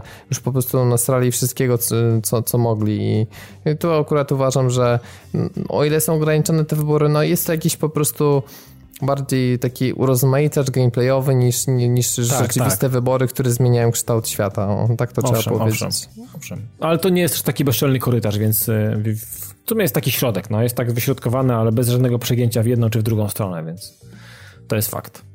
I to chyba tyle. Chyba, że jeszcze Piotr chciałeś o coś... Może chcesz zapytać nie, ekspertów nie, nie, nie, Absolutnie rozwieliście, rozwieliście moje wszelkie wątpliwości, ponieważ... Nie kupujesz. Tak, znaczy, wiesz, nie kupuję, ja się zastanawiałem nad trójką, no bo, bo, nie oszukujmy się, że każdy z nas ma w pewien sposób ograniczony budżet. E, no tak. I, I zresztą ja i tak podpisałem wyrok na siebie, kupując Szczecin Mordoru tydzień temu, bo to... Mhm. Mniejsze o to. Tak czy inaczej, właśnie zastanawiałem się nad Far Cry'em, ale mając po prostu w głowie to, ile czasu spędziłem z trójką, i jak beznadziejnie rozczarowujący sposób ona się według mnie skończyła. Mhm. Nie byłem pewien, no ale wydaje mi się, że po prostu, no nie powiem, że na święta, bo, bo, bo już inne wydatki są jakby zaplanowane, ale myślę, że tak jakoś w styczniu podejrzewam, że pochwycę. Myślę, że będziesz chyba na pewno dłużej, bo gra widać ewidentnie jest zdecydowanie bardziej um, rozbuchana i Jak jest pierwsze zobaczyłem mapę, to naprawdę po prostu był szok dla mnie, że ja tak sobie myślę, odkryłem sobie pierwsze, pierwsze, i... pierwsze wieże odkryłem, mówię, okej, okay, no tutaj pewnie za chwilę będą z dwie, trzy, a tak naprawdę nie, okazuje się, że wiesz, jest nie, 17, mam, nie mam ciśnięcia. Tak, I one tak, są naprawdę, i one się są oddalone od siebie na przykład o nie, dwa kilometry, więc... No dobra, ale Dawid, bo ty grałeś w trójkę, mam rozumieć. No platyna jest w trójce, panie. No właśnie, no to jak jest platyna, no to powiedz mi, no bo tam były z tego co pamiętam dwie wyspy, no to porównując właśnie do trójki, jak jest wielkość świata? No wiesz, tak, tak w, w, liczbach to ci nie powiem, ale wydaje mi się, że jest... Yy... Jest porównywalny chociaż? Nie, jest ciutkę większy według mnie. Aha, nie, on to w takim razie bardzo fajnie, no bo tam, jest, tam jest absolutnie... ciutkę większy. Raz, że troszeczkę inaczej ułożony. Mm, wiesz, tak naprawdę tam było sporo wody w trójce, więc na tej wodzie też trochę, żeby było... Ale tutaj też są wysepki, różnego znaczy, rodzaju no, rzeki, było... którymi podróżujesz motorówkami, czy jakimiś pontonami, czy jakimiś, wiesz, ślizgaczami, więc czy nawet są te, jak one się nazywają, poduszkowce, więc z poduszkowcami mhm. też e, sobie polatasz, gdzie chcesz, więc wiesz co, wydaje mi się, że czwórka jest, e, jest większa jest większa. Ale to, to, to rozumiem, że mówisz ogólnie o płacie terenu plus do tego jeszcze... O płacie terenu plus misji tych, które wynikają z, z bycia w Himalajach gdzieś Nie, no tam. jasne, ale... I one są też... też spore, te lokalizacje, bo ma coś... tych misji fabularnych w Himalajach odbyłem kilka Ogólnie Takich, misji które... w całej grze masz 32 chyba z tego, co, co Tak, patrzyłem. i one ur urwały mi, powiem ci stary, urwały mi kilka ładnych godzin te misje w Himalajach, więc Jasne, to, to, to no jest... dobra, ale teraz tak jak Robert jeszcze to już jakiś czas temu, nie pamiętam w którym odcinku nawet zwrócił uwagę, że tutaj gameplay się wydaje być znacznie bardziej wertykalny, to jest też więcej miejsca właśnie, żeby sobie powłazić w góry, no nie właśnie. mówię, że koniecznie, koniecznie w Himalaje, czy po prostu jest... Nie, są. Bo Aha, czy nie jest tak, że wszystko jest na równi jakby, jakaś tam nie, nie, nie, okazyjnie. No nie jest, nie jest, nie jest. One są mhm. bardzo wertykalne. Na przykład jest często tak, że nie, nie wlecisz sobie tym helikopterem, bo jest na przykład tak wysoko, że on, Powietrze on jest... jest tak rozrzedzone, że on nie będzie tam działał, no. Dokładnie, w związku z czym jedynie co to można wspinaczką i to też nie jest tak, że masz, nie wiem, skałę w wysokości tam kilkudziesięciu metrów i po prostu raz wpinasz, tylko na przykład jest cała sekwencja platformowa. Tu się wpinasz, za chwilę musisz się tak, płynąć tak, z jednej strony na tak, drugą, tak. tu musisz szybko się opuścić, za chwilę dalej wrzucić tym hakiem i sama wspinaczka może ci zająć, nie wiem, ze 3 minuty, a w linii prostej pokonałeś może, nie wiem, 100 metrów na przykład, nie? Więc y, Owszem. To, dlatego nie można w tym Far Cry'u tak przywiązywać uwagi tylko i wyłącznie do powierzchni w kilometrach kwadratowych, dlatego że przez tą wertykalność lokacji często coś, co się wydaje bardzo blisko, zajmuje nam naprawdę dużo czasu, żeby tam się przemieścić, bo na przykład Dobra. jedzie się serpentynami, czy się wspina, czy, czy się długo leci, nie? Bo do A cykl, cykl dnia i nocy i pogoda? Właśnie nie, ma deszczu, co... No właśnie co... nie ma deszczu. No to o i- tym deszczu to ja słyszałem wcześniej, ale chociaż śnieg może pada, czy to tylko też w górach? Tylko śnieg w górach pada. chyba. Śnieg, ale, pa, ale pada, ale to taki drobniutki, ale jest, ale też go nie ma za dużo, a jeżeli chodzi dla mnie o cykl dnia i nocy w ogóle jest z dupy i w ogóle tak naprawdę nieodczuwalny jest w ogóle tak naprawdę. Znaczy, Chwilowo jest tylko, chwilę jest trochę ciemno, ale tak naprawdę, znaczy ciemno. Masz poczucie Jest nocy, zielono. bo widzisz, tak, ale jest zielono, Ciem, ciemno-zielono, po prostu już mówiłem ci, że... ale bardzo szybko to mija. Tak naprawdę ten, ta, ta noc jest bardzo krótka, nie jest odczuwalna tak dość istotnie w jakiś I sposób. sky, skyboxy nie są jakieś porywające, więc... Nie są. Więc szczerze mówiąc tutaj to, to nie jest Destiny pod tym kątem, gdzie się gapisz na to, że jest wschód słońca i zachód, nie? To, to... I to, trwa, a tutaj to nie trwa. To jest tak naprawdę szybko to, to mija i nawet po, po jakimś czasie zacierać się to, kiedy już była ta noc. Nawet nie pamiętasz, że była noc. Pamiętam, że w Far Cry 2 na przykład często przewijałem czas po to, żeby nie robić jakiejś misji w nocy, bo tam było strasznie ciemno. Tak tutaj, Tutaj jak nie ci wylosuje, nawet. nie masz spiny o to, że, że czegoś W nie ogóle, zrobisz w w nocy, ogóle. albo Mhm. że się skradasz, bo jest ciemniej. Nie, naprawdę nie ma to większego znaczenia dla gameplayu. Także to jest tylko Najlepsza wyłącznie... noc była w Blood Dragonie, najlepsza była noc. Tam była zajebista noc, ona była permanentna. No tak. Także tyle jeśli chodzi o Far Cry'a. Myślę, że solidnie żeśmy przemielili go, także dzięki Dawid, że tutaj mnie wsparłeś e, w, takim głębszym omawianiu tej produkcji i już powoli sobie kończąc omówimy premiery tego tygodnia nadchodzącego, czy już teraz jak słuchacie to obecnego. E, No nieoczekiwanie tutaj Telltale nam powiedziało, że mm, e, wypuści pierwszy epizod z gry o Tron. Tym bardziej, że ostatnio się pojawił też pierwszy odcinek Tales from the Borderlands, więc No y, właśnie. powoli się odkupują z tych wszystkich swoich projektów.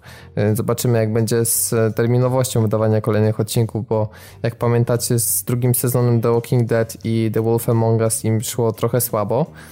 E, A oprócz tego z takich większych premier to mamy to nieszczęsne The Crew 2 Jezu.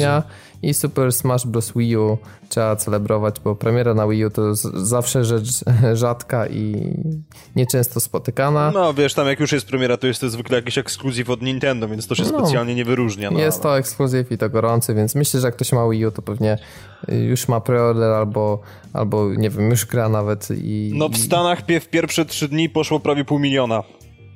no, Wow. Także konkretnie.